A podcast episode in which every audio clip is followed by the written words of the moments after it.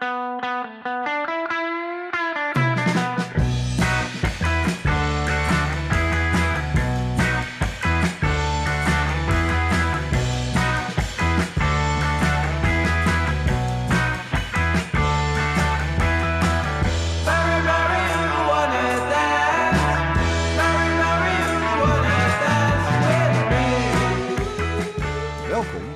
Tea met Dirk en Rens, een podcast over cannabis en alles wat met deze wonderlijke plant te maken heeft.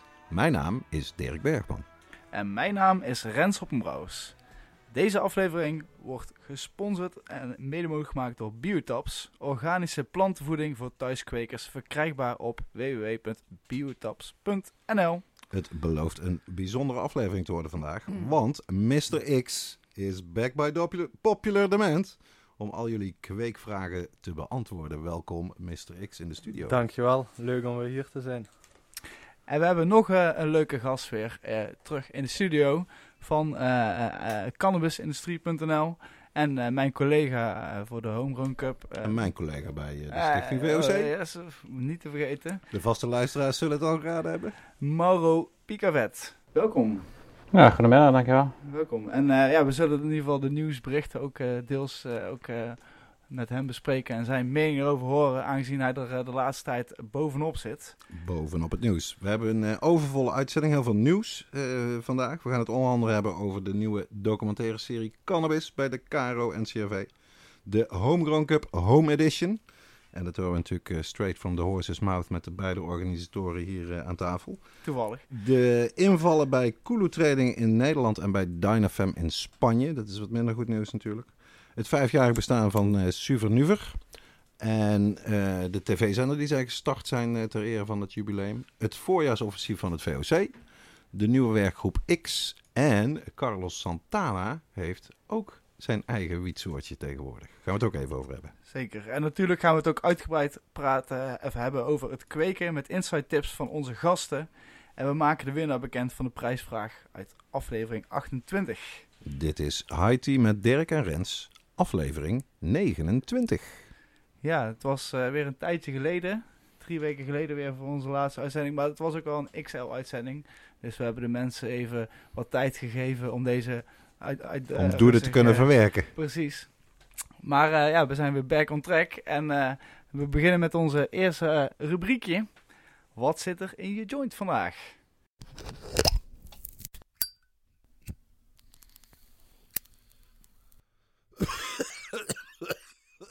Wat zit er in jouw joint vandaag? Eh, laten we beginnen met eh, onze gast eh, Mr. X. Wat eh, zit er in jouw jointje vandaag? De strawberry shortcake, die ik van Rens heb gekregen. Ah. Een heel speciaal wietje. Ja, ik, ik, ook voor de, voor de luisteraars. eh, deze, deze meneer heb ik echt net, net echt op kunnen halen bij het vliegveld. Dus eh, hij is echt eh, net in Nederland om eh, speciaal voor onze podcast. Eh, dus we zijn zeer vereerd in ieder geval daarom. Maar eh, ja, ik, ik, ik Wat moest is hem... voor soortje? Want je zit lekker, maar eh, vertel eens wat meer. Daar, daar kan Rens je volgens mij wel meer over Wat is vertellen. het voor een eh, wietje? Ik weet, volgens mij is het iets van de Jungle Boys. Nou, eerlijk gezegd, is het, het heet officieel. En ik, eh, ik snap ook niet waarom ze het zo hebben genoemd. Maar eh, het heet de Limbo Cake. Kom op, hele leuke naam. Dat is een goeie, ja. Maar die valt hier in Brabant niet zo goed gewoon. Nee, ik vind hem, ik vind hem, ik vind hem goed gevonden. En, en misschien moeten we ook maar eh, ook dat, dat eren. Dat de laatste Ja, tijd heel veel goeds uit Limburg Nou, al komt. heel lang toch? Ja, Limburg zoiets. Limburg. Ik ben zelf een Brabander, maar ik weet al heel lang dat er in Limburg heel goed wordt gekweekt. Ja. Maar het is dus eh, de, de eh, wedding cake, of is het de ice cream cake? Een van de twee gekruist met de strawberry shortcake. Dus het is eigenlijk een eh, Amerikaans soortje, praktisch, gewoon genetica, die dus hier in Nederland. eh, En hij heeft ook een beetje die paarse gloed, of dat Ja. niet? Die- Hij heeft een hele mooie look. Oké. ja, Komt op de camera ook heel mooie mooi uit. hè? Zeker weten. Um, eh, Rens, eh, wat zit er dan bij? Heb je, ben je ook aan het roken? Of? Nee, op dit moment eh, ben ik. En ik heb hem nog niet aangestoken. Ik ga hem. Je hebt hem dus, klaar eh, liggen? Ik heb hem klaar liggen om, om aan te gaan steken. Eh, eh, iets uit jouw eigen tuin. Hell ik yeah. heel blij. Of eh, jou, eh, niemand ziet mij wijzen. Dus uit uh, Dirk's eigen tuin. Balkon in ja, dit geval. ja, precies.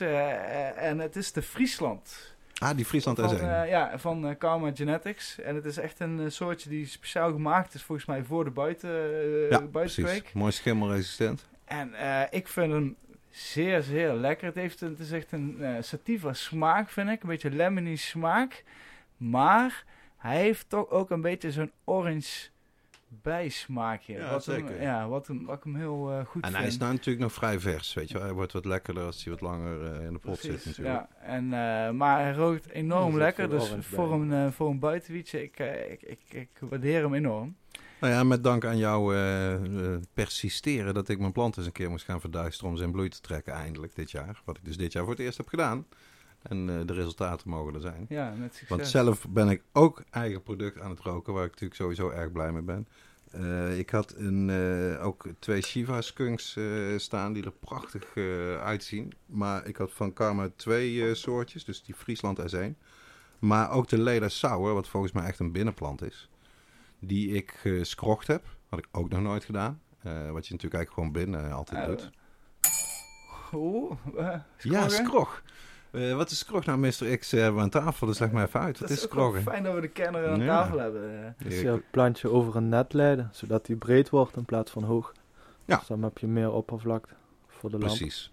En dat is met name eh, voor de lamp is dat zo. Maar eh, buiten vond ik het wel grappig om gewoon eens te kijken hoe dat dan precies werkt, weet je wel. En eh, het voordeel is dat die plant mooi in- inderdaad wat breder gespreid werd. En dat hij ook... eh, ik heb, eh, dat is toch wel een traumatisch dingetje weer geweest, een uh, schimmel eh gehad bij mijn buitenplanten, wat me echt best wel wat wiet heeft gekost. Maar ik denk mede doordat die plant mooi gespreid was en dus heel veel eh, airflow had, zeg maar, eh, buiten en op het balkon, die had nauwelijks, eh, die had nauwelijks last van schimmel. En dat is, ik heb het al tegen veel mensen gezegd, ook tegen jou Rens, dus je weet het al, die ledersauer. Dat is mijn beste wiet die ik ooit zelf buiten heb gekweekt. Want het is zo turpy. Als je die pot ook al open doet, die, die, die geur verspreidt zich bijna gewoon door heel de kamer, zeg maar. Ja, ja, En hij, ja. qua smaak, qua effect is het zo zalig. En eh, helaas had ik maar één plant. Ik heb er ook één weggegeven aan iemand in het noorden van het land. Waarvan ik achteraf dacht, "Hmm, had ik het geweten, dan had ik hem eens in Friesland gegeven. Want die had ik de, wel een paar. maar die leden, hij- ja, ik vind hem echt fantastisch. Dus ik probeer er zuinig mee te doen. Maar voor deze uitzending dacht ik, eh, dit is wel de moeite waard om Ja. er eh, Ja, eentje zeker van te draaien. Zeker. En Mauro, wat eh, ben jij eigenlijk op dit moment aan het roken? Ik ben helemaal niets aan het ruiken. Oh, dat is niet goed. keihard werken. Ja, alleen maar. Nee, maar wij, zijn geen, wij discrimineren niet. Zeker wij discrimineren niet. Als iemand, No substance nee. nazi's. Nee, precies. Nee, Mauro rookt altijd voornamelijk s'avonds. Dus, eh, of eigenlijk, eh, toch? En Ja, eh, er is ook weinig eh, te roken op dit moment voor mij. En, eh, Ah, daar staat hier wat. eh, als je die Friesland eentje wil draaien, be my guest, zou ik zeggen. Hij op zich staat is het ervoor. ook wel een goed idee om. ik, ik ben al redelijk langzaam van mezelf, dus als ik er ook nog bij ga blowen, dan wordt het alleen nog maar nog langzamer. Maar dat is ook te horen op de audio, heb ik ook gemerkt. Oké. En ook als je een goede sativa rookt. Maakt niks uit. Bij mij merk ik wel degelijk verschil. Tussen Ja. de couchlock effect en het eh, meer creatieve, energieke effect van wiet. En of dat dan precies in de sativa of de indica zit, weet ik niet eens. Kan ook in het terpeneprofiel zitten. Hm? ja, Maar eh, ik heb zeker wietjes waar je zeg maar, lekker bij gaat stofzuigen en eh, lekker je kantoor opruimen en eh, leuk een verhaal gaat schrijven. En ook wietjes, eh, inderdaad, Ja, en- end of the day. Ja, zeg maar. vooral deze, die orange, die zal wel heel actief zijn natuurlijk. Ja hoor, ja. Ja. Dat is een prima daytime wietje. Maar eh, ik zeg eh, lekker roken. En ook voor de luisteraars, eh, steek je joint op. We gaan verder naar het nieuws.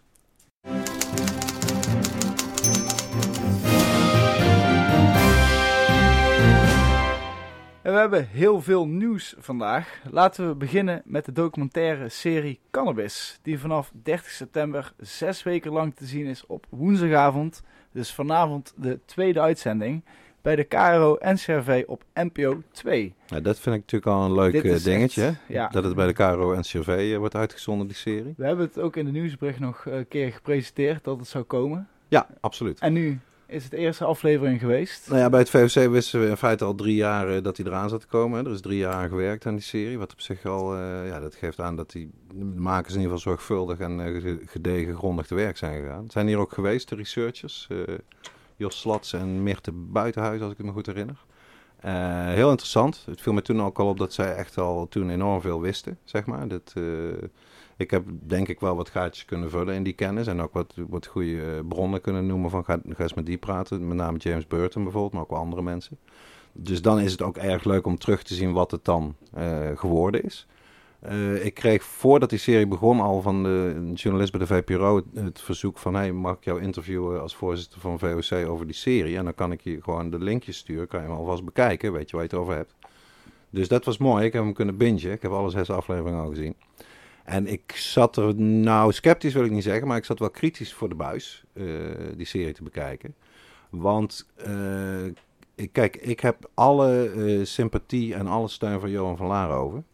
Maar ik vroeg me wel af toen ik begrepen had dat dat, dat dat eigenlijk de rode lijn in de serie zou worden, vroeg ik me wel af, ja, als jij het verhaal wil vertellen van 45 jaar cannabis coffeeshops uh, in Nederland, dan is, hoe dramatisch dat verhaal ook is, is het natuurlijk toch maar een verhaal van het gedoogbeleid. Je kan zeggen dat het misschien symbool staat voor hè, dat het allemaal verhard is en dat mensen echt in de problemen komen, natuurlijk.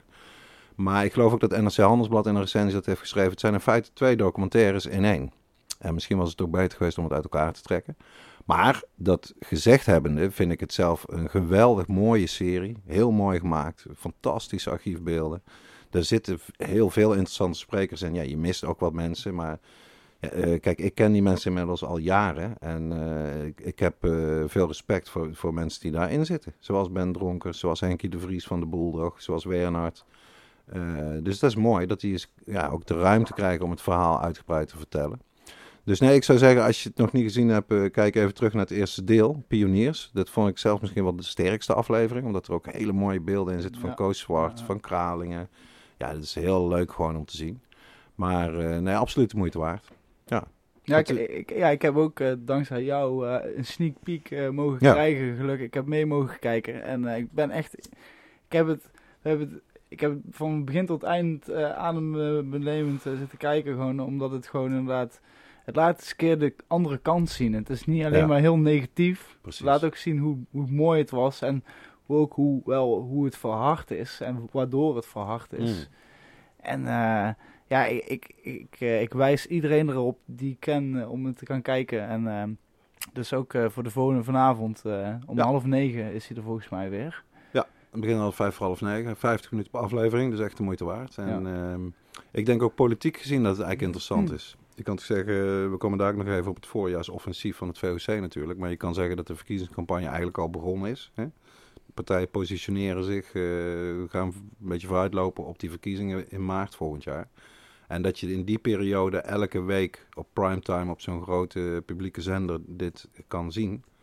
Ik hoop in ieder geval dat dat enig effect heeft. Zowel zeg maar, bij kiezers, maar ook bij politici. Die zich beter kunnen realiseren. Wat hebben we in godsnaam gedaan eigenlijk de afgelopen 25, zelfs 30 jaar. Uh, dat is niet goed geweest wat ze hebben gedaan. Het heeft ook niemand iets geholpen wat ze hebben gedaan. En uh, we zijn een heleboel miljarden zijn wij als Nederland misgelopen door de kabinetten Rutte en, op, en uh, Balkenende het hebben gedaan. Opstelten ligt al vanzelf in mijn mond, want dat was natuurlijk de grootste sloper. Maar dat gezegd hebben, dan kan je ook wel weer constateren dat we nu het ergste achter de rug hebben hoor. Uh, Opstelten is inderdaad weg. En, maar goed, dan komen we daar eventjes op bij het puntje voorjaarsoffensief van het VOC. Want wat ik zelf ook wel erg exciting nieuws vond, ik wist het natuurlijk ietsje eerder, is dat de Homegrown Cup, ondanks corona, toch in 2020 doorgang zal vinden. Dus vertel eens heren. Ja, ja nou, ik kan uh, zeggen dat ik er enorm trots op ben dat we dit toch op een bepaalde manier kunnen doen. Dat we uh, kunnen zorgen dat het eigenlijk zo goed als corona-proof is. Mm -hmm. uh, helaas uh, uh, wat we normaal altijd doen is dat we ergens een locatie hebben waar iedereen fysiek bij elkaar komt en, uh, en echt bij elkaar zit als ze jureren, waardoor ze elkaar elkaars meningen kunnen delen en ook dat er zaden uitgewisseld kan worden. En, en vaak ontstaan er hele mooie vriendschappen hmm. of soortjes, laat het zo noemen. Geweldig social event, hè? Ja, ja. zeker weten. En daarvoor doe ik toch. En we dachten wel van, kijk, inderdaad, op onze manier kan het eigenlijk niet meer. Dus op de manier om samenkomen. Dus we kunnen het eigenlijk of helemaal niet doen. En wachten tot we weer bij elkaar mogen komen. Maar God weet hoe lang dat duurt. Inderdaad, maar we kunnen ook toch nog bepaald iets e- organiseren. Dat toch die mensen, die deelnemers, toch in het zonnetje worden gezet. Of de kwekers mm -hmm. van, van Europa. En uh, dus we hebben besloten om een home edition uh, te creëren. Uh, en dat wil zeggen dat mensen het dus wel inleveren en de dag daarna opkomen halen. Maar dat ze het wel gewoon lekker op een eigen plekje, op een eigen, een eigen huis. Uh, en misschien huren ze een Airbnb in een locatie. Maar dat ze in ieder geval wel in een eigen clubje bij elkaar Mhm. zitten. Zodat er niet echt, eh, dat wij in ieder geval eigen geen, bubbel. precies, dat Ja. in ieder geval dat wij geen verantwoordelijkheid hebben op echt dat er een, een besmettingsvrees zou kunnen ja, zijn. precies. En dan kunnen ze de score kunnen ze online invullen. Oké. En, eh en s'avonds, eh of de, op de zondag, zullen wij online eh, de score eh, bekendmaken. En Spannend, man. ja, dus eh, en we, ja, we gaan zorgen dat we in ieder geval dat elke deelnemer in ieder geval enorm in de wat wordt gelegd. Dat ze een leuk pakket erbij krijgen. Dat ze in ieder geval thuis ook het gevoel hebben dat ze een soort van. Ja. Nou ja, home toch, eh, edition. ja. Ja, leuk man. En we zijn eh, bezig om, we willen een soort van of een Zoom of een Discord kanaal maken. Mhm. Zodat iedereen ook misschien online kan inchippen. Want wat is de datum? Het wordt eh, Tot welk 18 weekend? tot 20 december. Oké. De inschrijving is eh, 1 oktober open gegaan. En eh, het gaat erg goed. Eh, Ondanks dat ik dacht van nou, het wordt wel, eh, het zal alleen maar Nederlanders worden. Want Mhm. eh, buitenlanders zullen, of mensen zullen niet snel hierheen komen. Maar ja, je ziet toch echt weer veel inschrijvingen vanuit Frankrijk, Duitsland, Engeland, Spanje, België. Dus het is eh, zeer gevarieerd. En eh, ik denk dat het eh, echt een hele leuke cup gaat worden weer. Kunnen er dit keer ook meer mensen meedoen als normaal? Omdat je toch geen zaal hoeft te regelen? We hebben, we hebben inderdaad, we hebben, in normaal hadden we altijd echt wel dat we tot Een 10 limiet, man in een categorie. En nu hebben we het eigenlijk praktisch vrijgelaten. Oké. Maar je moet wel, kijk, moet wel te doen je zijn. moet binnen een weekend ook te doen zijn, weet je wel. Dus als jij 50 samples, weet Beetje je wel, dat is topsport. hartstikke leuk en aardig. Beetje topsport. Nee, maar... Mr. eh, X eh, zou er geen moeite mee hebben. we misschien. hebben, we- we- ik denk dat we gewoon, ik denk dat het loopt heel geleidelijk vol. Ik denk dat we, ik denk dat we in ieder geval hele mooie, eh, ruime categorieën krijgen. En we hebben ook dit jaar een nieuwe categorie, de Hees, eh, de Hees categorie. Ja, ik had het gezien. Puur eigenlijk een beetje ook als experiment van eh, maak het, me- maakt het een, een, een verbetering, Eh, wordt het eerlijker. Eh, en ook een beetje ook de reactie van de deelnemers, hoe ze het bevallen. En eh, kijk, het is mooi als het le- als het niet bevalt, doen we het volgend jaar weer niet, weet je wel. Dus eh, dat, is, het- dat is het leuke van ons, eh, van, we kunnen gewoon experimenteren. Ah, mooi man. Dan slechter nieuws en wel uit Spanje. Eh, daar kunnen we mooi de hoofdredacteur van cannabisindustrie.nl de bijzonderheden over vragen. Het was jouw primeur volgens mij zelfs ook. In ieder geval binnen Nederland had ik het nieuws zelf nog niet eerder gezien als op cannabisindustrie.nl. Namelijk een grote politieinval van de Guardia Civil bij het hoofdkantoor van Dynafem. Eh, ik weet niet of het belletje moeten rinkelen, maar dat is de grootste zadenbank van Europa, denk ik, kan je toch wel zeggen. Ik ben er zelf ook wel eens geweest in Baskeland. Enorm pand hebben ze met enorm veel zaden van alle zadenbanken en ook van hun eigen zaden natuurlijk. Eh, wat, wat is daar precies gebeurd of wat is daarover bekend, Mauro? Nou ja, het viel op een gegeven moment op eh, in die week dat er door een aantal mensen op, op Twitter en op Facebook werd er over Dynafem gesproken in het Spaans, maar ik, ik wist eerst niet wat er gaande was. En toen ik een beetje ging zoeken, kwam ik uiteindelijk op een verhaal waar Dynafem niet in werd genoemd, maar wat eh, dus eigenlijk het hele verhaal uitspelde. Dus eh, dat bleek inderdaad om eh Dynafem te gaan. En ja, daar zijn ze flink eh, ja, binnengevallen zoals ze zeggen, op bevel van de Spaanse Nationale Rechtbank. En dus eh, het is niet de lokale overheid die dit doet, maar het komt vanuit eh, Madrid. En eh, ja, zoals wel langer bekend is bij, in, Spanje, is dat het lokaal kan het wel ja, een, een redelijk liberaal beleid zijn, maar nog steeds wat ja, in grote lijnen de, de politiek in Spanje doet, is... ja, dus ze sturen nog steeds de Guardia Civil aan. En de, de dingen die daardoor gebeuren, zoals dit, ehm, Het is eigenlijk heel vergelijkbaar met Amerika, waar de staten natuurlijk op Ja. staatsniveau legaal zijn, maar federaal is het verbod nog steeds aan de hand. Wat bijvoorbeeld ook betekent dat je van de ene staat naar de andere moet met jouw wiet om die af te leveren bij een winkel. En je moet door een staat heen, dan heb je gewoon altijd het risico wat we hier in Nederland zeg maar kennen van de coffeeshops. Ook in Amerika. Dat is bizar. Maar is er al een soort follow-up? Is bekend of die mensen bijvoorbeeld nog steeds vastzitten? Er waren 15 man opgepakt, dacht ik. Dat ze vastzitten, weet ik niet. Er is wel een paar dagen daarna. Is een, eh, het is gebeurd op eh, 16 september. Volgens mij is de pers, eh, hebben ze een persbericht eruit gedaan ongeveer eh, een, ja, een paar weken later. En eh, daar, ja, eigenlijk het meest interessante wat ze daarin zeggen, wat, wat ook voor de, voor de rest van de industrie relevant is, is dat ze zeggen, de afgelopen dagen waren gevuld met spanning en een gevoel van onmacht, aangezien deze ernstige klap een pad van onzekerheid heeft gecreëerd voor de hele sector, inclusief de bedrijven die zich, net als wij, bezighouden met de gehele of gedeeltelijke aan- en verkoop van cannabiszaden. dat was voor mij wel het dingetje wat, eh, wat ik eruit moest halen, zeg maar. Ja, het is echt het is iets groots. En eh, we mogen toch hopen en bidden voor mensen die religieus zijn, dat, eh, dat dit niet de begin is van de grote rollback in Spanje. Ja. Want daar wordt natuurlijk al jaren over gepraat dat dat zou kunnen gebeuren. Met een nieuwe regering of een weet ik wat allemaal. Maar het kan natuurlijk ook wat je heel vaak ziet met de cannabis. Hier spreekt dan toch weer een beetje de oude lul. Als een overheid de aandacht af wil leiden van problemen die ze hebben. Bijvoorbeeld omdat ze de hoogste coronacijfers hebben van eh, Europa of de wereld. Dan is wiet altijd goed. kan altijd zeggen we beschermen de jeugd. We gaan tegen de criminelen tekeer. eh law and order, zero tolerance. Dat zou hier dus ook aan de hand kunnen zijn. En dat zou foute boel zijn. Want inderdaad, kijk, de, we hebben het misschien wel eens eerder uitgelegd eh, in de show. Dus de Cannabis Social Clubs zijn eigenlijk gebaseerd op twee belangrijke elementen in de Spaanse wetgeving. Dat is dat de politie bijna niet bij jou kan binnenvallen. Komt uit de Franco-tijd, want toen gebeurde dat om de havenklap. En dat de vrijheid van vereniging zeer, zeer cruciaal is en zeer goed beschermd is in de grondwet van Spanje. Dus dat betekent, als jij een vereniging hebt op privégebied, in, in jouw privéhuis, whatever, dan is het zeer moeilijk voor de politie om daar überhaupt iets te doen. Want het is gewoon, hè, kijk, je mag er niet iemand vermoorden, maar voor die wiet, daar is het allemaal op gebaseerd. Maar dat is natuurlijk wel een wankele basis. Dus daar is nergens een wet in Spanje die zegt, je mag een club beginnen met zoveel mensen. Dat is allemaal niet benoemd. Dus het is in feite ook één groot gedoogbeleid. Wat helaas betekent dat het ook heel makkelijk onderuit te halen is. Maar ik heb persoonlijk wel zoiets. Kijk, de, de, de, de Cannabis Social Clubs in Spanje bestaan echt al sinds midden jaren 90. Toen zijn de eerste begonnen. Dus wij hebben het gewoon over 25 jaar inmiddels. Een echte rollback, eh, ik weet niet hoe Mr. X erover denkt. Jij komt misschien ook wel eens in Spanje. Hoe- Denk jij dat, dat het een reëel risico is dat ze alles ja, echt weer terug gaan rollen? Of? Ja, natuurlijk. Maar de vraag is hoe snel. Het is een groot land, uitgestrekt land met weinig lokale controle. Dus de vraag is hoe snel dat gaat. En het zal dan ook op sommige plekken heel streng zijn, op sommige plekken niet. Wat je nu eigenlijk al hebt, hè? Dat, dat Baskeland en Ja, Catalonië zijn heel Madrid goed. is, is, is, Madrid is slecht. strenger. Ja. Nou, misschien is het is gewoon ook even een door in het oog geweest of zo voor hun. Eh, ik, bedoel, ik, ik, ik kom vaak in eh uh, Zerouts in San Sebastian, of in ieder geval vaak.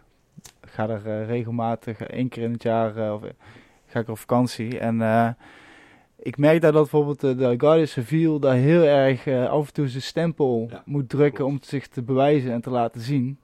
En daar had je dus af en toe had je dan gewoon een inval op, eh, weet je wel. En dat ze even, of dat ze even patrouilleren met al hun auto's, weet je wel, dat ze even laten zien. En dit zou dus ook wel een actie kunnen zijn.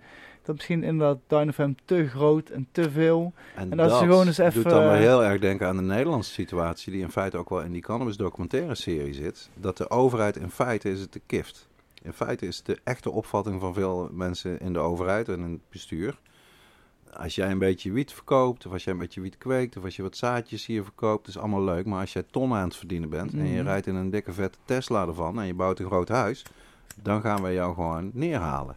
En we hebben mogelijkheden genoeg, want die wet is zo gek in elkaar gestoken. En we hebben de wet Damocles hebben we nog. En we hebben de Bebop-wet. Weet ik wat ze allemaal hebben opgetuigd de afgelopen 30 jaar. En dat zou hier dan ook aan de hand kunnen zijn. Dat inderdaad, ze willen het klein en beheersbaar houden. Ook zo'n term die je van de Nederlandse politiek heel vaak gehoord hebt. Ja. Ja. En eh, ja, dat is natuurlijk een heel gek iets. Want eh, kijk maar naar Amerika. Als je het niet als beleid hebt dat je het klein wil houden, maar dat je zeg maar wil zorgen dat het groeit, dan is er heel veel mogelijk. Dan is er zoveel werkgelegenheid, zoveel extra belastingen. eh, mensen die minder eh, echt verslavende, pijnstillende middelen hoeven te gebruiken. Nou, ja, de lijst is, eh, goes on en on. Zelfs minder gebruik door de jeugd als je legaliseert. is nou toch ook wel meerdere keren aangetoond in Amerika en in Canada. Ja. Dus ja, dat, dat blijft zo. Het is diep triest, maar het sluit ook direct aan eh, bij een eh, evenement wat hier in Nederland is, is gebeurd. Een inval bij Kulu Trading. De alleroudste, de allereerste in, eh, in rokersbenodigdheden. Begonnen ooit met Lange Vloei. Ik ken de oprichter toevallig, een van de twee oprichters van Kulu, die ken ik een beetje. Ja, dit is weer shocking. Voor mij, toen ik dat nieuws las, dacht ik, we zijn weer terug in eh, 2010, 2011, weet je wel. Dat gewoon mensen en bedrijven die echt alles legaal doen. Eh, ja, ook eh, waanzinnige politiemacht op de, deur, op, de, op de stoep krijgen en alle, alles wordt in beslag genomen, ellende.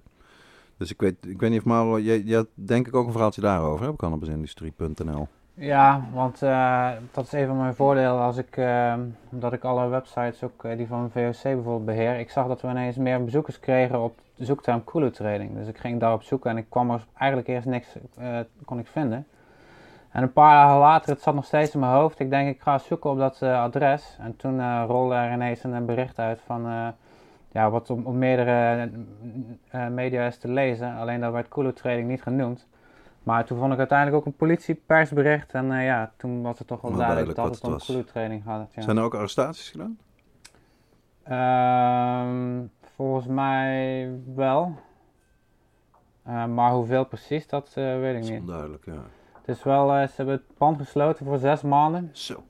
En eh, ja, e- een van de opvallende quotes, dan, want dan vraag je af, oké, wat hebben ze meegevonden of wat hebben ze gevonden?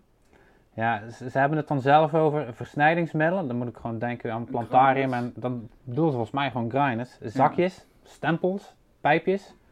Nou, versnijdingsmiddelen, en, eh, dat kan wel degelijk een poedertje zijn. maar dat kan... Precies, maar dat is ook legaal, eh, neem ik aan. Zij zullen denk ik toch ook de fout niet maken om iets in een assortiment te doen. Als ze zoveel omzet hebben aan gewoon pijpjes, vloei, eh, vaporizers, noem het allemaal maar op. Dat je dan dat in je assortiment opneemt terwijl je weet dat het illegaal is, lijkt mij niet heel waarschijnlijk. Zeker omdat ze zo lang in de business zitten. Ja, en een van de quotes ook van de politie die, ja, de, de- waarin staat, dit bedrijf draagt dus bij aan het in stand houden van een drugscultuur die voor veel Ja. problemen zorgt. En dat is strafbaar. Echt, ja, da- dat vond ik namelijk de meest bizarre en betekenisvolle Ja. quote. Holy shit, man. Wat is dat? De drugscultuur. Ja. Nou ja, kijk, wat je bijna kan verwachten is dat dit dus één grote fiasco wordt dadelijk in de rechtszaal. En dat het Openbaar Ministerie keihard op de broek krijgt van de rechter die zegt: Dit is een winkel eh, die doet helemaal Maar niks dat maakt verkeerd. toch niks uit. Hebben ze op, ondertussen Kulu zo op, eh, op kosten gejaagd. Ze hebben de voorraad al ingenomen, Ja. misschien al lang. Dat hebben ze ook al een paar keer gedaan. Dat hebben ze direct vernield. Dat hebben ze ook al een paar Ja, keer dat klopt. bij mensen- ze ja, zijn ze gewoon direct met de, gedaan. met, eh, met de Waalstrof erin gegaan, letterlijk. Ja. Dus dan is het toch al gebeurd. Letterlijk, ja. Ja, ik dus- kan me die foto herinneren in de krant. dat ze met een, zo'n stoomwals, weet je, zo'n groot Ja, ding. ja, ja. rolden ze dan over die plantenbakkies en over zadenverpakkingen en eh lampie. Om te laten zien hoe stoer ze wel niet zijn. In the war on drugs. Drugs. Eigenlijk, nou, genoeg in ieder geval over deze ellende. Ja, iets positiefs. Iets positiefs. Suvernuver bestaat vijf jaar en start een eigen tv-zender. En volgens mij heb ik gehoord dat jij daar ook nog eens eh, ook een bijdrage aan Ja, hebt zeker. geleverd. Ik ben eh, vorige week eh, heeft mijn vrouw me de, de hele weg gechauffeerd van Eindhoven naar Leeuwarden. Ik was net de gast in de show. Samen met Werner Bruining, wat ik een hele eer vind. Toch eh, de potvader. Hè? Eerste koffieshop van Amsterdam, de Mellow Yellow. Eerste growshop van Europa, Positronics. En ook de eerste die, die mij ooit in mijn leven eh, medicinale wietolie heeft gegeven. Bij de presentatie destijds van de DVD van het eerste Cannabistribunaal. En dat is inmiddels alweer eh boep, 11 jaar geleden. Dus een pionier toch wel op meerdere fronten. Nou ja, eh, ik was natuurlijk wel eens bij Souvenir geweest in Leeuwarden. Hun eerste vestiging. Ze hebben daar enorm veel ruimte. Ze zitten ook op een mooi soort discrete plek aan het water. Dus niet in het centrum of zo. Kan makkelijk parkeren. Eh, en nou ja, ik had natuurlijk begrepen dat ze een studio hadden ingericht. En dat het plan is, eh, heeft ook met corona te maken. Ze hebben per 1 oktober twee vestigingen gesloten. In Utrecht en Rijswijk uit mijn hoofd. Omdat er met die corona komt er bijna niemand. Want ze hebben natuurlijk heel veel oude, juist kwetsbare, zieke mensen, Suvenuver. Die gaan komen. niet het risico lopen. Ja. Die zijn heel voorzichtig. eh, en terecht zou ik eh, willen toevoegen. Dus ze zagen dat in sommige van die vestigingen kwamen gewoon twee, drie mensen maar per dag. Ja, dan is het een beetje duur om de huur te blijven betalen. Dus in plaats daarvan doen ze nou, hebben ze een tv-studio. Volledig geoutilleerd, kan ik zeggen. Heel mooi, echt met twee sets. Eentje met een tafel, zeg maar, zoals eh, ja, bij de talkshows in Nederland. Eentje meer met zo'n banksetting, weet je wel. Eh, met mooi greenscreen en eh, ja, uitstekende apparatuur qua camera en eh mixingboard, noem het allemaal op. Heel top ziet het er allemaal uit. En ja, de eerste uitzending die is op eh 3 oktober, volgens mij. de zaterdag is die online gegaan. Kan je nou ook terugkijken. En, ja, dat is een stream van twee uur of zo. Er zit ook veel muziek in, wat live muziek. Goeie reggae. Tommy Chong. Tommy Chong eh, over het scherm weliswaar eh, Ja. vanuit Amerika. Maar ik dacht ook van ja, dat, dat, dat, dat wordt het duizendste Tommy Chong interview. Maar ik moet zeggen, ik, ik vond het echt heel erg de moeite waard. Ik vond dat die echt interessante dingen zijn. En eh, in die eerste show zit Jair Velleman. die wij natuurlijk in de podcast hebben gehad. Vriend En van de ja, samen met Steven Kompier. Ja. Ook vriend van de Ook, show. ja. En eh, dat was ook erg eh, de moeite waard. Dus ik zeggen, kijk die livestream terug. En ik weet eigenlijk zelf niet wanneer de, die aflevering komt waar Bernard en ik samen in zitten. Maar ik had onder andere, of ik had eh, de Hover Stash had ik meegenomen. we hebben hem hier niet op tafel staan, maar dat is een, een, geweldig grappig ding wat ik uit Amerika opgestuurd heb gekregen. Ja, een zwevende stashbox voor je wiet. Een ongelooflijk ding. En het lukte ook om hem zwevend te krijgen zeg maar, in de studio. Was ook erg fijn. Dus uh, nou ja, als die online komt, dan uh, kunnen we er ook via de socials uh, aandacht aan besteden. En de bedoeling is dus van Suvernuver dat ze ja, veel content gaan maken. En ook, dat is ook misschien interessant voor de luisteraars. Rinus heeft expliciet tegen mij gezegd: Kijk, we hebben die studio. die staat in feite gewoon ter beschikking van de cannabiswereld. Voor stichtingen, voor, voor mijn part, voor coffeeshops, voor mensen die iets willen doen.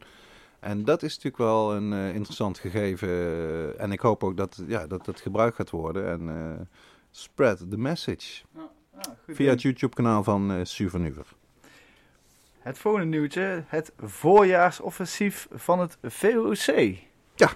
Ja. Dat is, we hebben het hier denk ik al eens gehad over het nationale cannabisdebat. wat wij plannen een paar weken voor de komende verkiezingen in februari 2021 in Nieuwsport. Uh, het VOC is natuurlijk eigenlijk ooit geboren, kan je zeggen, in Nieuwsport met het allereerste cannabistribunaal in uh, december 2008. En die hebben we als stichting in totaal drie georganiseerd. En dit is een soort uitvloeisel, kan je zeggen, van het cannabistribunaal. Maar het is niet voor niets dat we het niet meer tribunaal noemen, want het heeft toch een beetje die connotatie dat we heel erg de politie ter verantwoording willen roepen en zeggen: we veroordelen jullie omdat jullie het verkeerd doen. Wat natuurlijk wel uh, terecht was hè, over de periode, uh, de afgelopen periode. Maar aangezien nou de wietproeftocht eraan komt, uh, ze toch een beetje toegeven dat regulering slimmer is dan repressie. willen we nu gewoon een positievere draai eraan geven en zeggen: oké, wat zijn de issues die nu spelen met cannabis? En dat heeft zowel te maken met coffeeshops en de wietproef, maar dat heeft natuurlijk ook heel erg te maken met thuisteelt, met de huisuitzettingen. Mensen die nog steeds met gezinnen al op straat worden geflikkerd voor een paar planten willen we aan de orde stellen. Die wet Damocles, het is helemaal uit de hand gelopen, kan je het kort samenvatten. Dus dat willen we heel duidelijk naar voren brengen. En we gaan weer, dat deden we ook bij het Cannabistribunaal, uh, afsluiten met een slotdebat met Tweede Kamerleden en wel de drugswoordvoerders in de Tweede Kamer. Want dat zijn de mensen die dadelijk bij de formatie gaan bepalen wat er gebeurt met die wiet. Gaat die wietproef door? Gaan we die wietproef groter maken? Komt er iets anders? Gaan we een regeling doen voor thuissteelt? Hoe zit het met medicinaal? Waarom vergoeden de verzekeraars helemaal geen medicinale cannabis? Zoals ze in Duitsland wel doen. Allemaal vragen die we daar uh, uh, op willen gaan roepen. Bij dat voorjaarsoffensief hoort ook, en dat idee is niet van ons afkomstig, maar uit Den Haag, notabene, van uh, Alex, koffieshopondernemer uit Den Haag, van de Happy Smile, de koffieshopboot. We willen een actiekrant gaan maken. In een flinke oplage die we in heel Nederland gaan verspreiden. Waarin we mensen oproepen om te gaan stemmen en om cannabisvriendelijk te gaan stemmen. Waarin we mensen willen informeren dat uh, er nog van alles mis is rond cannabis in Nederland. Mochten ze denken dat het al legaal is of dat het nou allemaal wel goed komt. Nee, dat is niet zo. Het komt niet vanzelf goed. Dus de boodschap is daar heel erg gaan stemmen. Maar dat moet natuurlijk een leuke krant worden. Met ook een leuke prijsvragen, goede cartoons en dat mensen het leuk vinden in de shop om het te lezen. Want zoals Alex zelf altijd zegt, ik vind dat een prachtige uitspraak. We hebben 600 kerkjes in Nederland. En daar zit onze parochie, dat zijn die 600 coffeeshops. En die kunnen we elke dag bereiken, bijna die mensen. En uh, ik denk dat hij daar gelijk in heeft. En ik denk ook dat die miljoen blowers, dat een flink deel daarvan nooit gaat stemmen. Of niet van plan is te gaan stemmen de volgende keer. Een flink deel, hè? zeker niet de meerderheid, maar wel een flink deel. En die kunnen dus een groot verschil maken. Als die op een cannabisvriendelijke partij stemmen. En het leuke is dat het eigenlijk helemaal niet meer gaat over of je links of rechts eh, bent of stemt. Want aan beide zijden kan je op partijen stemmen die voor legalisering zijn. Dus dat is ons uh, voorjaarsoffensief. En uh, ik denk dat ik zelfs nog een puntje vergeet. Ja, we gaan, we gaan, ook weer werken. Daar zijn wij al mee bezig met weer een nieuwe publicatie. Zeg maar een bitboek, maar dat wordt in dit geval een witboek-zwartboek. Waarbij we in het witboekgedeelte gaan vertellen hoe je het veel beter zou kunnen doen. Zodat iedereen hè, profiteert in plaats van slachtoffer is. En in het zwartboek willen we echt een aantal soort case studies doen van mensen. Uh, we denken onder andere bijvoorbeeld aan Philippe Rocher uit, uh, uit Zeeland. Ja, de echte slachtoffers van eh, hoe wij nu omgaan met cannabis. Mensen die inderdaad met, met hij in dit geval met zijn twee do- puberdochters op straat wordt daar gezet. kunnen we meteen op aansluiten met de Ja. volgende nieuwsbericht inderdaad. Nou ja, want dat is eh, ja, ook weer slecht nieuws, toch helaas. Eh, Beste luisteraars, er is nog veel slecht nieuws eh, rond cannabis te melden, elke uitzending.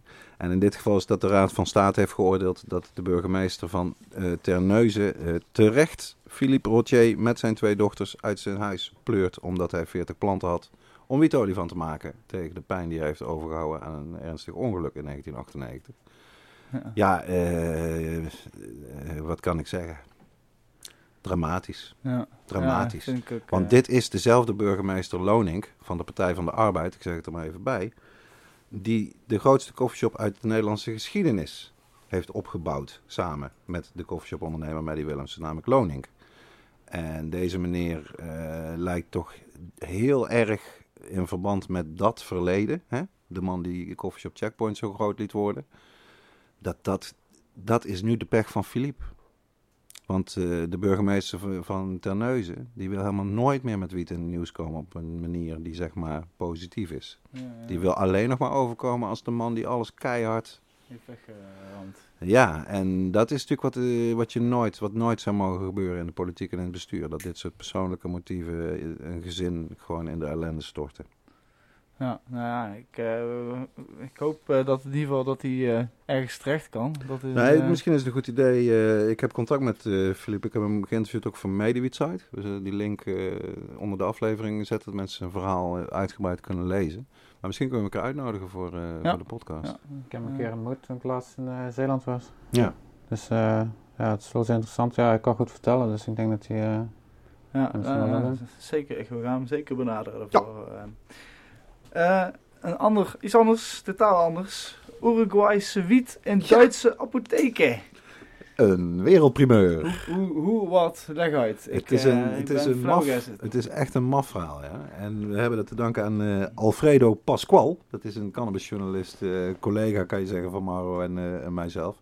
Een heel eh kerel die ontzettend veel scoops heeft. Dat is interessant. Hij schrijft voor Marijuana Biz Daily. Dat is dus MJ Biz met een D Daily aan elkaar. Interessante website sowieso voor mensen die dat leuk vinden om bij te houden. Hij had al eerder dit jaar gemeld dat er een vrij grote zending, namelijk 1000 kilo Uruguayaanse wiet in Uruguay geteeld, waar het natuurlijk legaal is, Ja, ja, zoals we ja. weten. Hè? Het eerste land ter wereld. Ik vroeg me af wanneer ik ooit Uruguayse wiet zou Ah, het komt steeds dichter in de buurt. Want hij vroeg zich toen al af, wow, 1000 kilo voor Portugal. Er is in Portugal helemaal geen legale medicinale cannabis. Wie moet het allemaal oproken? Daar kwam nog een zending overheen. Groter nog. En dit is niet gespecificeerd, maar er is minimaal nog 1000 kilo erbij.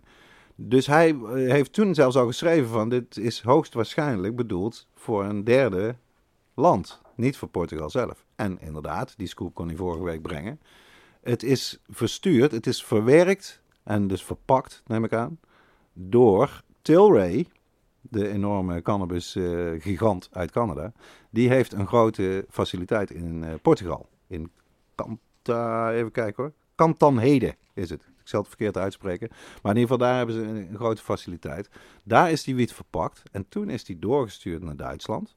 En het, re- het relevante van dit verhaal is dus... Aha, die cannabis in Uruguay, die is helemaal niet GMP certified, zoals het heet. Dat is Good Manufacturing Practices. Dat zijn vrij zware eisen die worden gesteld aan hygiëne, aan hoe je dat allemaal moet doen. Dat geldt blijkbaar niet. Dus die Alfredo Pasqual, die journalist, is zo slim geweest om even te bellen naar de Duitse autoriteiten die erover gaan. En zegt van, hé, hey, eh, die eh, GMP, vanaf wanneer geldt dat dan? En die hebben gewoon gezegd, zit in Düsseldorf. Dat is heel raar, dat is zeg maar op lokaal niveau in Duitsland. De, degene die erover gaat, dat is niet de Bundesregering, maar in dit geval de, de lokale regering van Düsseldorf. Die hebben gezegd van nee, eh, wij vinden het prima als het zeg maar eh, GMP is bij de verpakking. Dat hoeft niet tot en met de oogst. En dat opent in feite de deur, als dit zo blijft, dat, ja, dat alle wiet van heel de wereld, uit Colombia, uit Afrika, wat er allemaal nog gaat komen, ja, als het maar via hè, een, Ja, eh, een. GMP-certified verwerkbedrijf in dit Ja. geval, namelijk Tilray in Portugal is, dan is het blijkbaar okidoki. En eh, ik, heb, eh, ik heb een stukje over geschreven van Mediwiet site en dan heb ik het ook even nagerekend. Die, die wiet die gaat dus eerst 9000 kilometer van Uruguay naar Portugal. Dan gaat hij ruim 2000 kilometer van Portugal naar Duitsland. Terwijl van Bedrokan naar Duitsland is 200 kilometer. In plaats van 11.000 kilometer. Dus het zal wel een stuk goedkoper zijn in Uruguay dan eh, bij Bedrokan. Dat denk ik ook. En ook dat is die, heeft hij nagegaan. Vond ik ook interessant. Eh, de eerste zending Uruguayaanse wiet, dus die 1000 kilo, werd bij de, voor, voor- die zending werd bij de douane een waarde van 3,20 dollar per gram aangegeven. En bij de tweede zending 2 dollar per gram. Dus dat was de waarde van die Uruguayaanse wiet toen hij nog uit Uruguay kwam. En Tilray biedt deze wiet aan aan de apothekers in Duitsland voor 9,50 euro per gram. 11 dollar. En dat is dus de groothandelprijs, want de retail, ik neem aan dat die apotheker er ook nog wel op zet. Nou, dat is wel... Maar dan heb eh, je wel Uruguayaans gekweekte wiet. Ik ben er zelf ook heel benieuwd naar. eh, werkgroep X keer eh, wietproef. Ja, werkgroep X klinkt natuurlijk eh, lekker mysterieus. Het is niet van Mr. X. Mr. X heeft er helemaal niets mee te maken, tenzij ik eh, niet goed ben geïnformeerd, toch? Nee, Is helemaal niks. Nee, werkgroep X, dat is een- eigenlijk een werkgroep van de PCN. eh, Platform Cannabis Ondernemingen Nederland. De landelijke koffieshopbond, kan je zeggen. En dat is opgezet door Gerrit Jant en Bloemendaal. Die eh, de vaste luisteraars ook zullen kennen. Het eh, afleveringnummer weet ik niet aan mijn hoofd, maar we hadden, hem, Zeven. ja, we hadden hem vrij snel al te gast. Eh, zijn plan is, en eh, ik denk dat het een goed plan is, dat die werkgroep alle coffeeshops afgaat. Dat zijn er dus 79, eh, geloof ik, hè, die meedoen, mee moeten doen Mhm. aan de wietproef. En daar zit een fors aantal PCN-leden bij, althans volgens mij 16, dus best veel. Maar het grootste deel is natuurlijk niet lid van PCN en ook niet lid van BCD. Die zijn gewoon nergens lid van. Dus het plan wat die werkgroep heeft is, Gerrit-Jan gaat gewoon langs al die coffeeshops en die gaat gewoon eens inventariseren en praten. En eh, mijn ervaring moet ik zeggen bij het VOC is ook altijd, zo simpel is het vaak. Als je maar gewoon de stap neemt om met mensen te gaan praten, of mensen uitnodigen om te zeggen, laten we daar eens een keer over praten, dan kan er ineens een heleboel gebeuren. Dan blijkt er ineens allerlei dingen die je dacht of die die ander dacht, dat blijkt toch anders te zitten en positiever te zijn. Dus ik ben benieuwd naar die eh, missie. Eh, hij gaat het serieus aanpakken, hij heeft er ook tijd voor, Gerrit-Jan. En die werkgroep, voor de mensen die op Twitter zitten, die heeft zijn eigen Twitter-account. Interessant. Werkgroep X, het Werkgroep X. Dan kan je precies zien wat hij doet. En eh nou, Gerrit-Jan is van, van origine is hij bibliothecaris, met een echte opleiding daarvoor. En dat is, komt hier in zekere zin van pas, omdat hij zeer grondig te werk gaat als het gaat om de exacte regels van die wietproef. Hoe dat allemaal zit voor die coffeeshops, met die buitenlandse hash, met verpakking. Nou ja, alles erop en eraan eh, is hij eh, de man die dat allemaal op een rijtje heeft. En eh, ja, interessant om in de gaten te houden, want ja, hoe dan ook komt die wietproeftocht dichterbij. Mhm, Hm? Ja. Nou ja, ik heb het ook praktisch gedaan bij, met in ieder geval wel veel coffeeshops van alle gemeentes. Ja, met Verties zijn jullie er ja, langs geweest, Ja, ja. Ja. Dus ik, ik weet wat er te wachten staat. Ja. En ik moet zeggen, toen ik daar zat, Uh-huh. ik merkte heel vaak dat ik echt de eerste en de Ja. enige was Ja, die überhaupt langs een coffeeshop ben gegaan. En Maar dan zie je dat je dus zelfs zeg maar voor de coffeeshopbond zelf, wat natuurlijk collega's zijn hè, van deze wietproef coffeeshops. Ja, het compliment zou ik zeggen voor Verties dat jullie zo snel zijn dat je dat voor elkaar al hebt gekregen, nog voordat de coffeeshopbond aan begint. Maar kijk, het feit dat de coffeeshopbond aan begint en het serieus oppakt, vind ik gewoon... eh, Zeker, zeker. dat is een Beter goed punt. eh, laat dan eh, nooit in ieder geval. Zo is het. Dus, ik, volg het met veel bela- nieuwsgierigheid. En het laatste nieuwsje van de dag. En daarna gaan we verder met deze Mr. X tegenover me. Gaan we Mr. X grillen gaan we nee. en al die vragen stellen die we binnen hebben gekregen. Spannend, spannend. Carlos Santana heeft Wie kent hem zijn niet? eigen wietsoort, of eh, wie- wietmerk. Geen wietsoort, Hell yeah. maar zijn eigen merk. Ja, heerlijk stukje eh, wat ik op Rolling Stone eh, las. Het is al wat ouder van januari. eh, Associated Press. Carlos Santana is switching from moonflower to marijuana flowers. er is iets. Grote media hebben altijd de neiging. Die moeten een woordgrap maken. Als ze iets schrijven over wiet. En eh, dit is geen uitzondering. Eh, maar eh, we lezen verder. Hij, heeft 10 Grammys gewonnen. Interessant. Uh, the latest high profile musician to use their star power to launch cannabis companies. Partnering with Left Coast Ventures, a cannabis company that has previously started brands for the Bob Marley estate and Grateful Dead drummer Mickey Hart, Santana and his Latin-infused blues jam rock have been associated with weed culture for decades. En dat is natuurlijk waar. Zeker. De liefhebber herinnert zich het ongelofelijke optreden van Santana op Woodstock. Kijk het op YouTube. Kijk naar de drumsolo. Dit is de beste drumsolo die je ooit in je leven zal zien. Het is een hele jonge drummer nog van Santana. En je kan daar al zien, dat zijn gewoon stoners. Latino, de original Cypress Hill zou je bijna kunnen zeggen. Alleen niet expliciet, omdat het nog gevaarlijker was in die tijd. Maar eh, interessant. Hij had, een, eh, hij, had een, hij had een statement gedaan, Carlos Santana, waar hier op kantoor de meningen nogal over verschillen. Dus die wil ik ook nog eventjes voorlezen. Want dit is wat eh, Carlos Santana zegt over onze geliefde plant.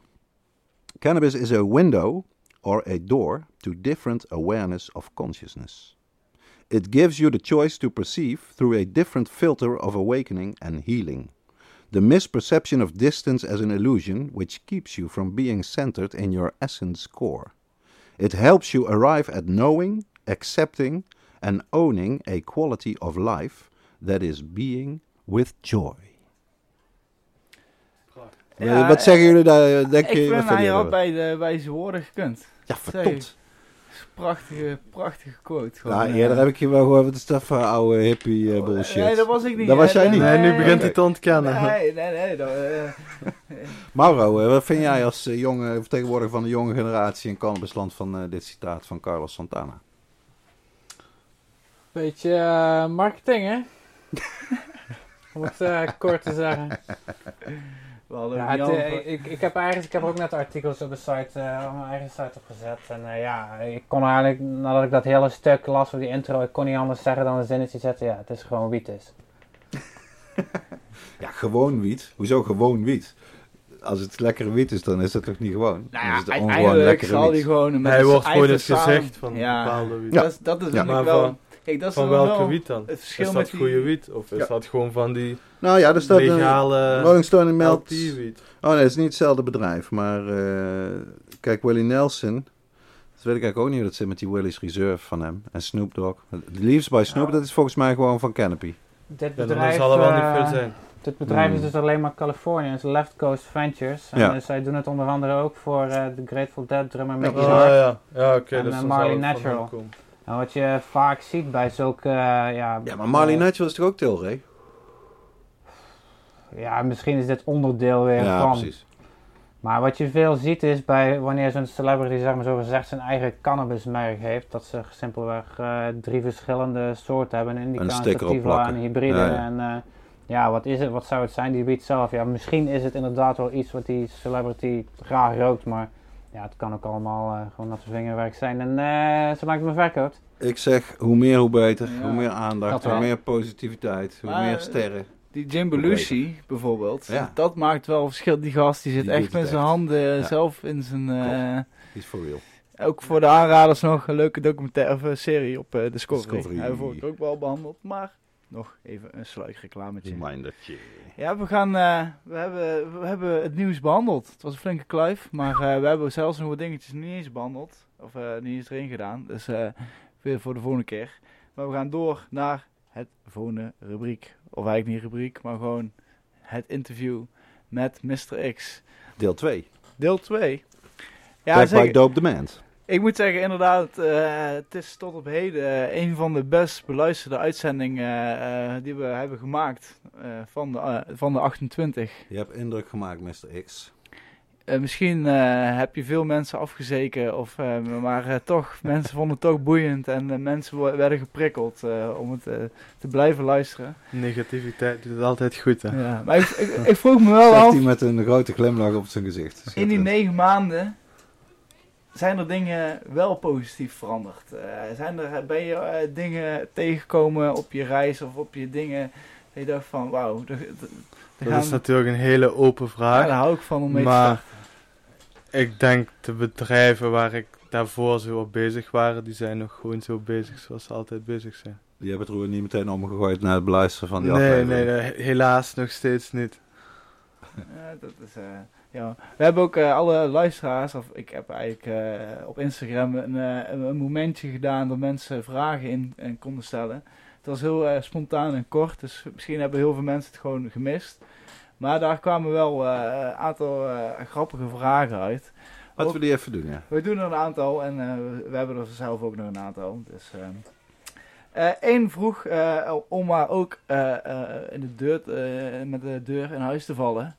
Ehm, we wilden eigenlijk een concentraat eh, special gaan opnemen. Want het is immers bijna 710. eh, de dag dat we opnemen. Is het 710? Ja, wat is dat 710? Ja. Wat is dat? eh, Mauro. Wat is 710? Ja, het is eigenlijk gewoon heel simpel. Als je dat voluit schrijft, eh, net zoals de Amerikanen hun datum schrijven, dus 710 en je draait het om, staat er oil. 710. Draait om. Het wordt oil.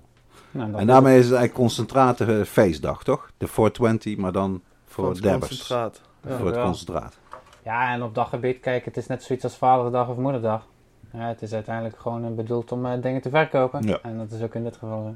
Nou, dit is met 420 ben ik het niet met je eens. Want het heeft echt wel een soort historische eh, kern, hè, waar het vandaan komt. Maar ik ben het wel met je eens wat de die eh, sequel erop. 710. Ja, ja gewoon ook, wij wilden ook meedoen. Gewoon. Ja, dat is goed Ja. verspreid ook. Hè? Het is een half jaar later precies. Dat is ook slim bekeken, die eh 710. Maar kijk, eh, wij hebben zeker nog een, de beste luisteraars, zeker nog een concentrate special eh, op het lijstje staan dat we een keer gaan doen. Maar deze Maar- niet. Nee, want het is ook Ja. een feit dat natuurlijk in Ja, Nederland is het nog ja. piep, piep klein. Zoveel weinig ook- mensen die maar überhaupt een concentraat ooit hebben ge- eh, geveept, zeg maar. Nee, Er zijn zoveel ik- leuke ik kan, het- ik kan- ja, nee, ik, ik het eh, hele verhaal vertellen. Voor deze uitzending hadden we heel erg klopt, eh, stiekem Mark Bong. eh, hadden we Mark van eh Nuck Run Extracts gevraagd om, om erbij te komen. een Omdat hij specialist op dit gebied. heel veel concentraten maakt, er erg veel ervan weet. Alleen helaas heeft hij dus kort op moeten afbellen. Omdat dus zijn vriendin corona heeft. En hij eh, waarschijnlijk dus ook. En dus, hij mocht het huis niet verlaten. Ja. Het ging goed met hem, hij had verder nog geen klachten. Maar eh, ja, uit voorzorg eh, kon hij dus niet in de studio. En daarom eh Daarom hebben we Mr. X super ingevlogen. blij dat Mr. X deze kant op wilde vliegen. Om toch nog wat vragen te kunnen beantwoorden. Want we hebben wel een aantal concentraatvragen. En als je het wel of niet weet, dan hebben we altijd nog Mauro. Die, die heeft ook veel kennis over concentraten. Maar het gaat over dat concentraatroken. Of dat dat, eh, iemand vroeg zich af, of dat het concentraatroken niet hetzelfde is als sterke drank drinken. Eh, eh, want je neemt toch veel te veel THC. Of Nou, veel meer dan normaal. veel hè? meer THC op dan Te normaal. veel. eh, Ja. Ik vind het sowieso altijd een vervelende vergelijking om wiet met drank te vergelijken. Ehm, maar je zou het ku- kunnen vergelijken in die zin. En je neemt er ook minder van, net als whisky. Je Ja, drinkt ook ja. geen vol bierglas met whisky natuurlijk. Ja, ja Dus ik denk ook je, voor je de zou het zo kunnen vergelijken. Maar ik zou het liever niet zo vergelijken. Ik bedoel, eh, je, uiteindelijk, je, je, zal- je verwerkt een topje wiet. En daar komt een aantal, eh, een, eh, een 10% of een 15% komt daar concentraat eh, gemiddeld ja. uit. Eh, maar die, eh, dat is, dat zit vol met smaakstoffen en werkzame stoffen. En hoe dat dus gerookt wordt, wordt vaak door een, eh, een, bong. En dan wordt vaak ook inderdaad een pincetpuntje wordt er afgenomen. In plaats van dat er een hele halve Ja, daar, daar komt natuurlijk het woord dabben vandaan. Hè? Het is een dab. Die dus, een dab, ja, hoe noem je dat in het Nederlands? Een, eh, een bloepje, kan je zeggen. Eh, een klein dingetje, wat je inderdaad afhaalt van jouw stukje concentraat, welke vorm het dan ook maar heeft. Nou, wat ik altijd was, wat ik een goed voorbeeld vind voor mensen, en dat zit notabene in, eh we hadden het net even over Suvernuver. Eh destijds heeft Steven Kompier eigenlijk de eerste serieuze reportage gemaakt over Suvernuver in het Engels voor Cannabis News Network. En daar doet Tan, die, die mensen misschien kennen omdat hij jarenlang ook bij Cannabis College heeft gewerkt in Amsterdam, echt ook een concentraat eh, specialist. Die laat gewoon even zien hoe je die live rosin maakt met zo'n eh, krultang, zeg maar, en een stukje vetvrij papier. Je pakt gewoon een butje, je doet druk en warmte en daar heb je jouw concentraat. Dan heb je daar wat, iets wat eruit komt lopen, wat een beetje gelig is van kleur. En dat kan je dabben en dat is gewoon eh, een andere ervaring. Het is letterlijk een concentraat. Je hebt de werkzame eh, stoffen, die heb je bij elkaar. En eh, omdat het zo vers is, zeg maar, heb je, pak je ook veel van die terpenen mee. Officieel eh, is helemaal goed wil zeggen, het is niet live rosin wat hij daar Live resin. Nee, dat zijn twee verschillende dingen. Ja, precies. Ja. Nou, dat is een interessant dingetje. Dat, eh, laten we daarmee beginnen. Wat is het verschil tussen eh, dat? Ja, wat zijn, wat zijn de twee verschillen? Ja, live wil zeggen, je, je gebruikt planten die eigenlijk nog levend zijn, die eigenlijk in de vriezer zijn gestopt.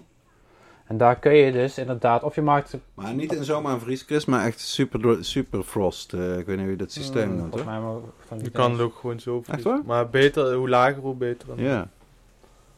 En dat, eh, als, je er, eh, als je het dan extraheert met eh, BHO, met butaan, dan heb je live resin. Maar ga je het persen, dan heb je live rosin. Oké, Dat is de distinctie. dus de, de krultangmethode, zeg maar. De hair straightener, dat is live rosin. Nee, dat is gewoon rosin. dat is je- rosin. Tenzij je bevroren Akkoord. product gebruikt om het te maken. Het ligt aan het product wat je erin steekt. Of het live rosin of gewoon flauwe rosin wordt. Oké, en wat, is, wat maakt het, wat is, wat is, raden jullie aan om te gebruiken? Wat, wat is beter? Ja, Wel, wel, nee, het, heeft- inderdaad, het er is zijn alle twee, veel- er is niks beter. Dus alle twee heeft Ja, zijn eigen karakter. Ja, want je hoort wel veel verhalen het over... populairste is live. Zo full, full, full, full plant, Dat full frozen of zoiets. Veel meer tapijten Nou ja, want het-. Precies, dat is het Ja. hele idee. Dat je zeg maar, dat is natuurlijk ook wel, eh, misschien hebben we het wel eens eerder genoemd, maar in het droogproces van alle planten, dus niet alleen wiet, maar alle planten met terpenen, eh, gaat 60% van de terpenen verloren tijdens het droogproces. Dus in die 10 tot 2 weken dat je die planten in het donker hebt hangen. Ja, het is doodzonde. Dus als je meteen invriest na de oogst, en dan liefst nog met super super freeze, ja, dan, dan, dan hou je alles. Het is zeg maar die reclame van hak op de, Ja. weet je wel, de Ja. televisie. Van als je die groente meteen van het veld invriest, ja, dan heb je hypervers. Dan heb je alles er nog in. En dat geldt voor die wiet hetzelfde. Dus ik denk nou, dat we daar in de toekomst ook naartoe gaan. Dat eh, zeg maar in grote productielanden die we gaan krijgen rond de Evenaar. eh, dat daar eh, gewoon op het veld wordt eh, bevroren. Net als nou met de, de dopherten. Ja, Ja, ja, ja. wie weet. Dat zou wel heel chic zijn. Eh, eh, er kwam een vraag binnen eh, van een uh, vaste luisteraar, eh Chase Case. Eh, meen- Niet te verwarren met Space Case. Chase Case. Nee, het is, komt van Kees, ook inderdaad onze, die is een aantal uitzendingen geleden ook bij ons te gast geweest. Die ons ook vertelde over, over toen isolator maken. Aha. En daar vertelde hij ook over dat live eh, invriezen. Dat, Mhm. dat, dat dan, als je met zulk eh, materiaal werkt, dat je nog meer smaak toevoegt eigenlijk aan je hars. Of in ieder geval verloren Absoluut. laat gaan of zo. Ja. eh, tijdens het droogproces. Ja. Niet verloren, ja. Behouden, Ja, eh, blijven houden. Ja. Maar eh, die stuurde de vraag: welke hees vind je eigenlijk wel lekker, Mr. X? Sorry Kees, ik vind je heel leuk. Maar er zijn geen hezen die ik lekker vind. Hoe is dat nou toch mogelijk? man? ja, Ik vind het niet lekker. Ik vind het niet lekker smaak. Ik vind Maar- het effect ook niet per se fijn. Te, te, te, te heavy effect? Of zit er Vrij in? paranoia. Het is niet waar ik naar zoek. Ja. Ik zoek Ja. rustgev rustgevend effect in mijn hoofd. En dat ik, dat ik meer duidelijkheid heb. En, en niet om, om heel paranoia achter de Mhm. gordijnen te zitten. En ik vind het ook niet lekker smaak. Dus dat is toch wel voor mij het nummer één. Dus, ja, maar, eh, ik, ik weet nou, je, je rookt namelijk eh, je jointje altijd puur, zoals het hoort. Ja. Eigenlijk. Ik denk ook niet dat Hees daarvoor gemaakt is om dat puur te roken. Nee, ik, ik Dat zit is te wel een denken, punt, is ja. dat nou Dat is echt erg op Nederlandse manier Zo, eh, je aangepast. ziet in Amerika zie je ook vrij weinig echt hees of Ja, je ziet hem nu een beetje bij, bij de breeders. Zie je wel de... weer populair aan het de, worden. Ja, je komt de, daar de, weet je, de trend mij- komen dat ze wel ook wat hees weer terug erin nemen. Ja. Eh, Karma is er toen mee bezig geweest met die dingen. Volgens mij Oni Seeds ook. En zijn er nog een paar die het toen ook zijn gaan doen. Een paar, ehm, volgens mij heeft Archive een collab met iemand gedaan. Dat was ook met allemaal hees en zo. Dus Ze hebben het wel een beetje gedaan, maar volgens mij is het meer voor de genetische waarde die erachter ligt. Hmm. Ja, ja, misschien ook omdat het gewoon zo'n sterke plant is, weet je wel. Dat je daar, daar weer nieuwe smaak en kruising kan van maken. Ik bedoel, eh, eh, met alle respect, met de, ja, daar staat Amnesia wel bekend omdat die gewoon zo... Ja, amnesia is niet echt hees hees. Dat is namelijk ook nog een ding, hè? dat zeg ik ook als oude lul. Voor mij is haze eigenlijk iets heel anders als, als wat je nou... al- ja. Ja Ja, man, eh, amnesia is een zilver commercieel de ouderwetse haze. En wat je dan Ja. ook, daar ben ik, eh, zo oud ben ik ook niet, maar, zeg maar de- wat oorspronkelijk haze was, was haze van de Haze Brothers in Californië. Dat was een heel specifieke soort strain. Wat nou zeg maar als lemon haze en al die verschillende varianten doorgaat, herken ik bijna zelf niet eens Allemaal meer. Ja, dus amnesia is, en dat is natuurlijk een eh, hybrid, er zit nog van alles zit er Ja. doorheen. eh. Nee, ja, nee, ik heb wel, denk ik, dan meerdere echte hees gerookt. heel anders. ik, ja, ik vind het gewoon niks. Het is heel anders dan amnesia, Mm. ja, zeker. Zeker is totaal Ook in de structuur hè, van de toppen gewoon. Ja. is veel meer bolletjes. is Ja, veel opener ook, en nee. fluffy en het, het bloeit heel lang. Het is vrij Ja. lastig. Nou ja, dat vroeg me. Misschien heb jij daar ook eh, inzicht in. Kijk, Van Hees is natuurlijk vooral ook bekend bij kwekers. Dat het duurt lang. Weet je moet lang bloeien.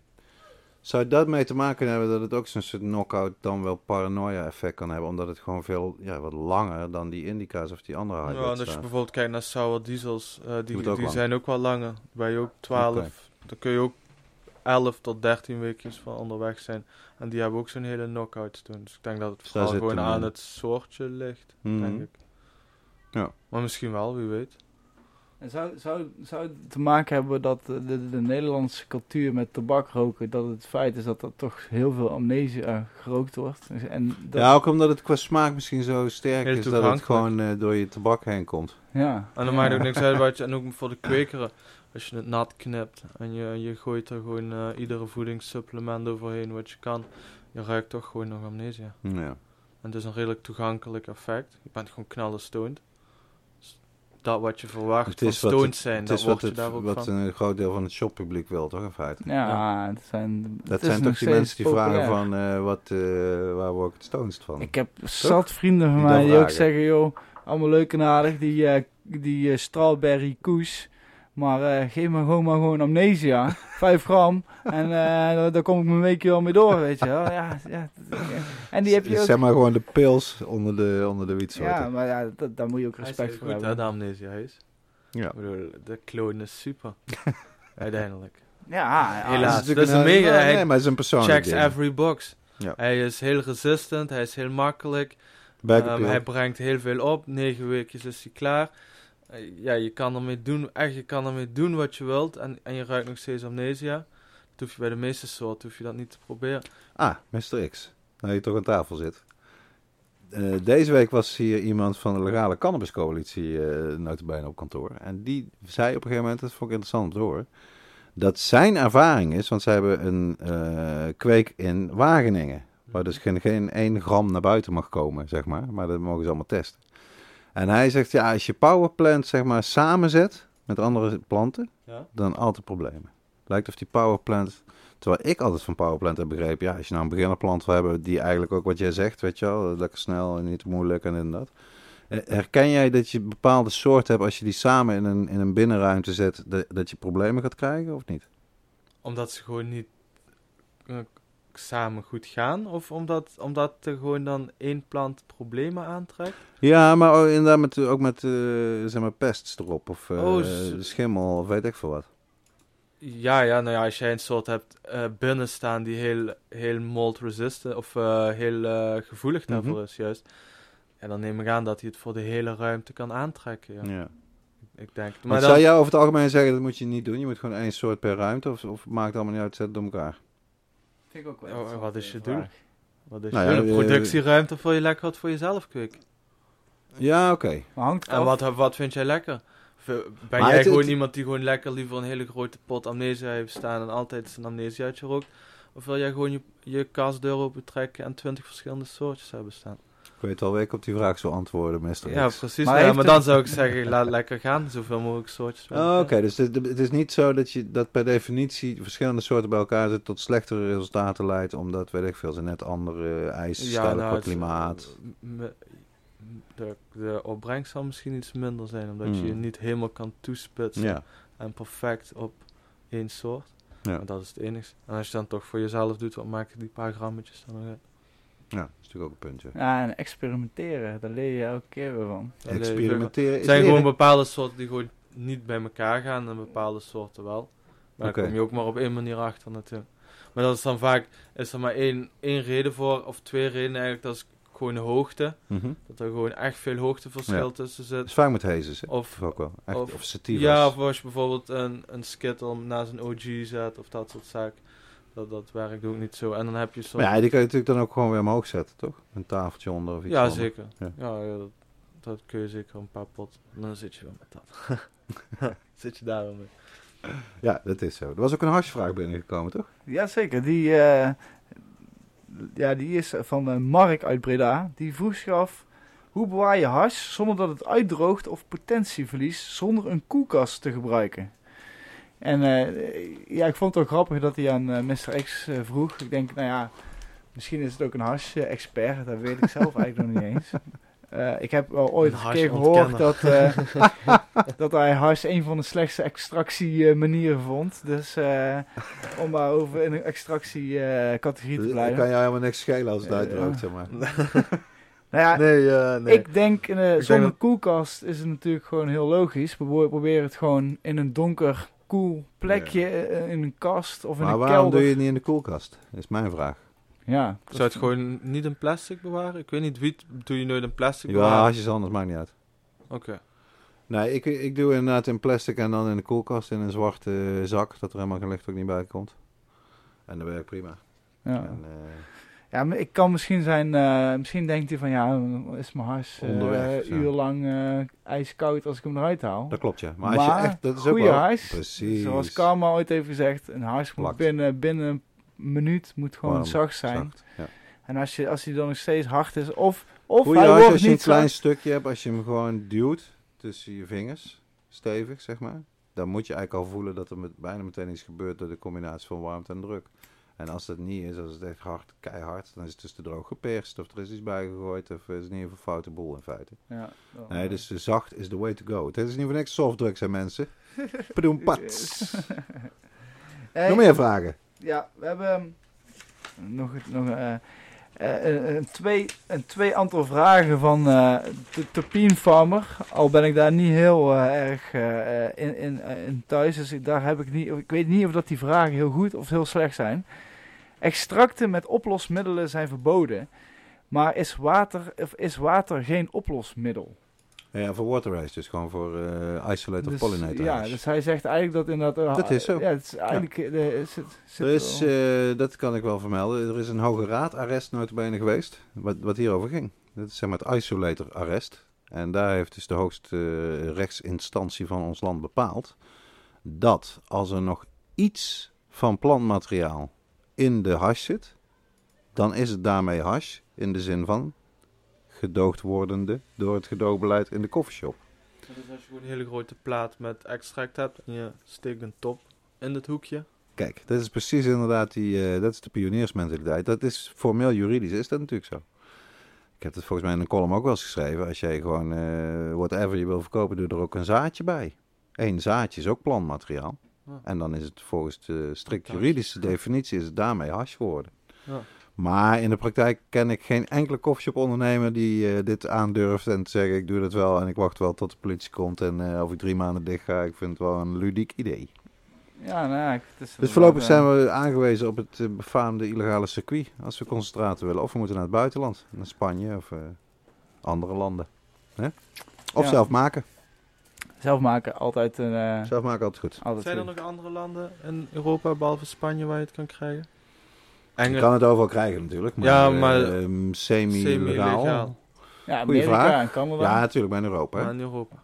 Nee, ik denk Nee. op dit moment alleen Spanje en Nederland is het gewoon eigenlijk niet.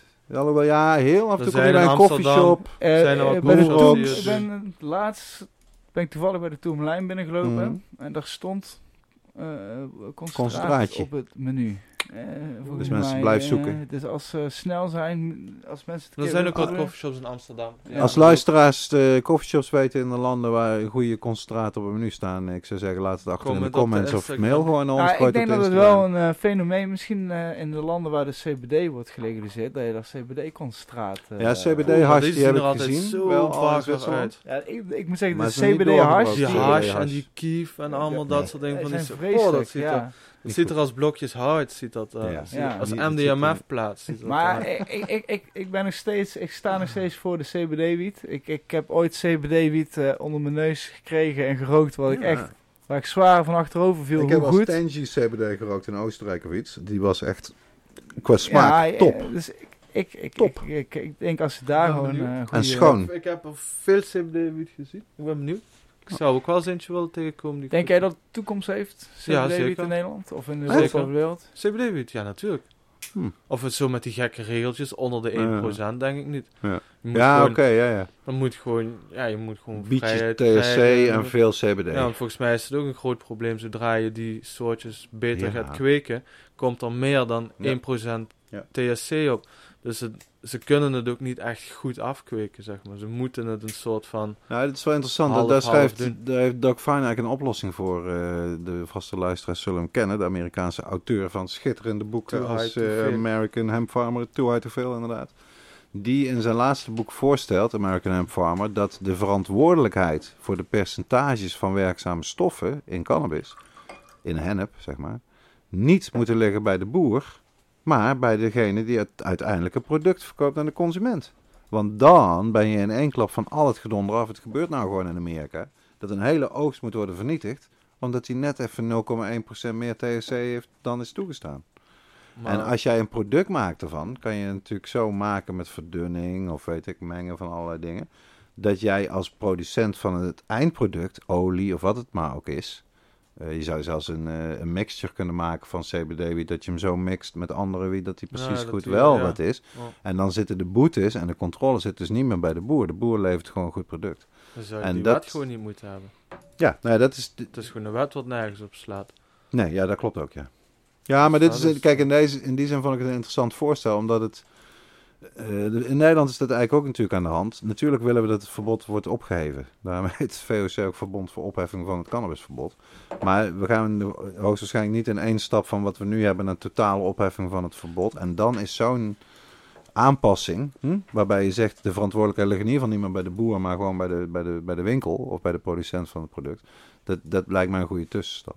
Ja, Maar- ja, maar als ik dan sensible zegt, dan, nou ja, dan kun jij gewoon tot, tot 4% of tot 3% THC, Hmm. maar zolang jij dan maar zorgt voordat je het verkoopt, dat het dan gewoon daaronder wil ligt, Ja, en dan ja. geef je ze toch gewoon Ja, dat kan ook de nog, wet, ja. zonder dat je er weer andere mensen... Ja, want kijk, het, eh, wat interessant is natuurlijk, is dat hennep wel op landelijk federaal niveau is gelegaliseerd. Dat zit in de Farm Act, onder Trump, Ja. notabene. Dat, zo kan hij dus de geschiedenisboeken ook ingaan. Hij is toch de president die hennep in heel Amerika, de hennep teelt, eh, legaal heeft gemaakt.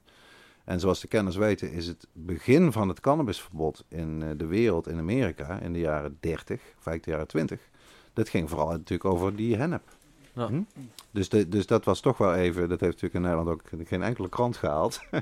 maar dat na bijna 100 jaar eh hennep gewoon weer helemaal is in Amerika, is natuurlijk een waanzinnige, waanzinnige mijlpaal. Ja. Ja, en daarover nog gesproken over hennep. En hebben niet eens eh, behandeld in de De nieuwsartikel. verdomde hennepklopper! Dirk is vorige week nog, eh, of afgelopen week nog naar een heel mooi Ja, druk, nieuwe, druk, druk. Ja, een, molen. was geweldig. Eh, dat, is een, eh, dat is een mooi verhaal. Vroeger had je in de Zaanstreek 28 molens die speciaal voor hennep waren. Dat noemen ze hennepklopper. En binnen in die molen was dus een systeem gemaakt met enorme houten hamers. Een stuk of 12 op een rij. Die de hele tijd gewoon bam, bam, bam, bam, bam. Die hennep, daar leg je die hennep dus onder. Als die al droog is en eh, gerood in de sloot of met dauwwater. Eh, maar dan moet je die eh, vezel zacht maken, want anders kan je hem niet gaan spinnen. Om daar dus zeilen van te maken, kleding van te maken, al die dingen van te maken. Dus daar moet hij geklopt worden. Nou, wat makkelijker als je die molen hebt staan. Dan hoef je niet meer zelf te doen, al dat gedoe. Je laat die molen doen. In heel de wereld was er geen enkele hennepklopper meer over. Waar je kon zien hoe dat dan werkt. En er zijn er dus heel veel geweest. Want de Zaanstreek 28, daarbuiten ook nog wel. Eh, hier komt Ben Dronkers om de hoek kijken. Hè? De man van Sensi Seeds en van het Huismuseum, maar En- ook van Hemflax. Ja. En eh, die zijn zelf, want ik heb dat nagevraagd notabene aan Gerbrand, de, de, hoe noem je dat? De, de programmeur zeg maar, van het, eh, van het Huismuseum. Het Huismuseum is benaderd door een molenvereniging, dus het erfgoedvereniging uit de Zaanstreek. Eh, met dit verhaal, dat die hennepkloppers er dus stonden en dat zij wel een plek hadden. Daar heeft een hennepklopper gestaan. Maar het enige wat er nog van over was, was een schuur. En in die schuur had jarenlang een zeer zonderlinge, excentrieke alcoholist gewoond. Die er een enorme teringbende van had gemaakt. Altijd zijn flessen gewoon uit het raam flikkerde. De hele achterkant van zijn gevel was eruit gevallen toen hij er nog woonde. Maakt allemaal niet uit. Dat was het enige wat nog van over was. Fast forward naar 2020. Er is een molen gekocht, namelijk molen De Pauw. Die is van eh 20 kilometer verderop. Is die per schip aangevoerd naar deze plek. Om hem precies naast die schuur te zetten. Die is helemaal opnieuw opgebouwd op die plek. En toen hebben ze het binnenwerk. Dat was dus de uitdaging. Niemand wist meer hoe zo'n ding nou precies aan de binnenkant eruit zag. Ja. Dus zij hebben aan de hand van oude illustraties uit Frans tijdschrift uit de 18e eeuw, waar die hennepklopper beschreven werd, maar waar ze vanwege concurrentie eh, gegeven niet precies gingen vertellen hoe het was, want dan kon iedereen het zomaar namaken. Dus het klopt niet helemaal qua afmetingen en weet ik wat allemaal. Dus dat moesten ze allemaal oplossen en dat is dus gelukt. Dus er is nu een werkende hennepklopper, de enige ter wereld, in de Zaanstreek, in Nauwerna. Een van de kleinste dorpjes waar ik ooit ben geweest. je kan daar gewoon naartoe. En eh, ik kan het iedereen aanraden, want het is, ik was zelf volgens mij ook nog nooit echt in een molen geweest. Eh, de molenaars die daar werken, het zijn geweldig grappige mannen die ontzettend veel van eh, molens af weten. En inmiddels ook heel veel van hennep.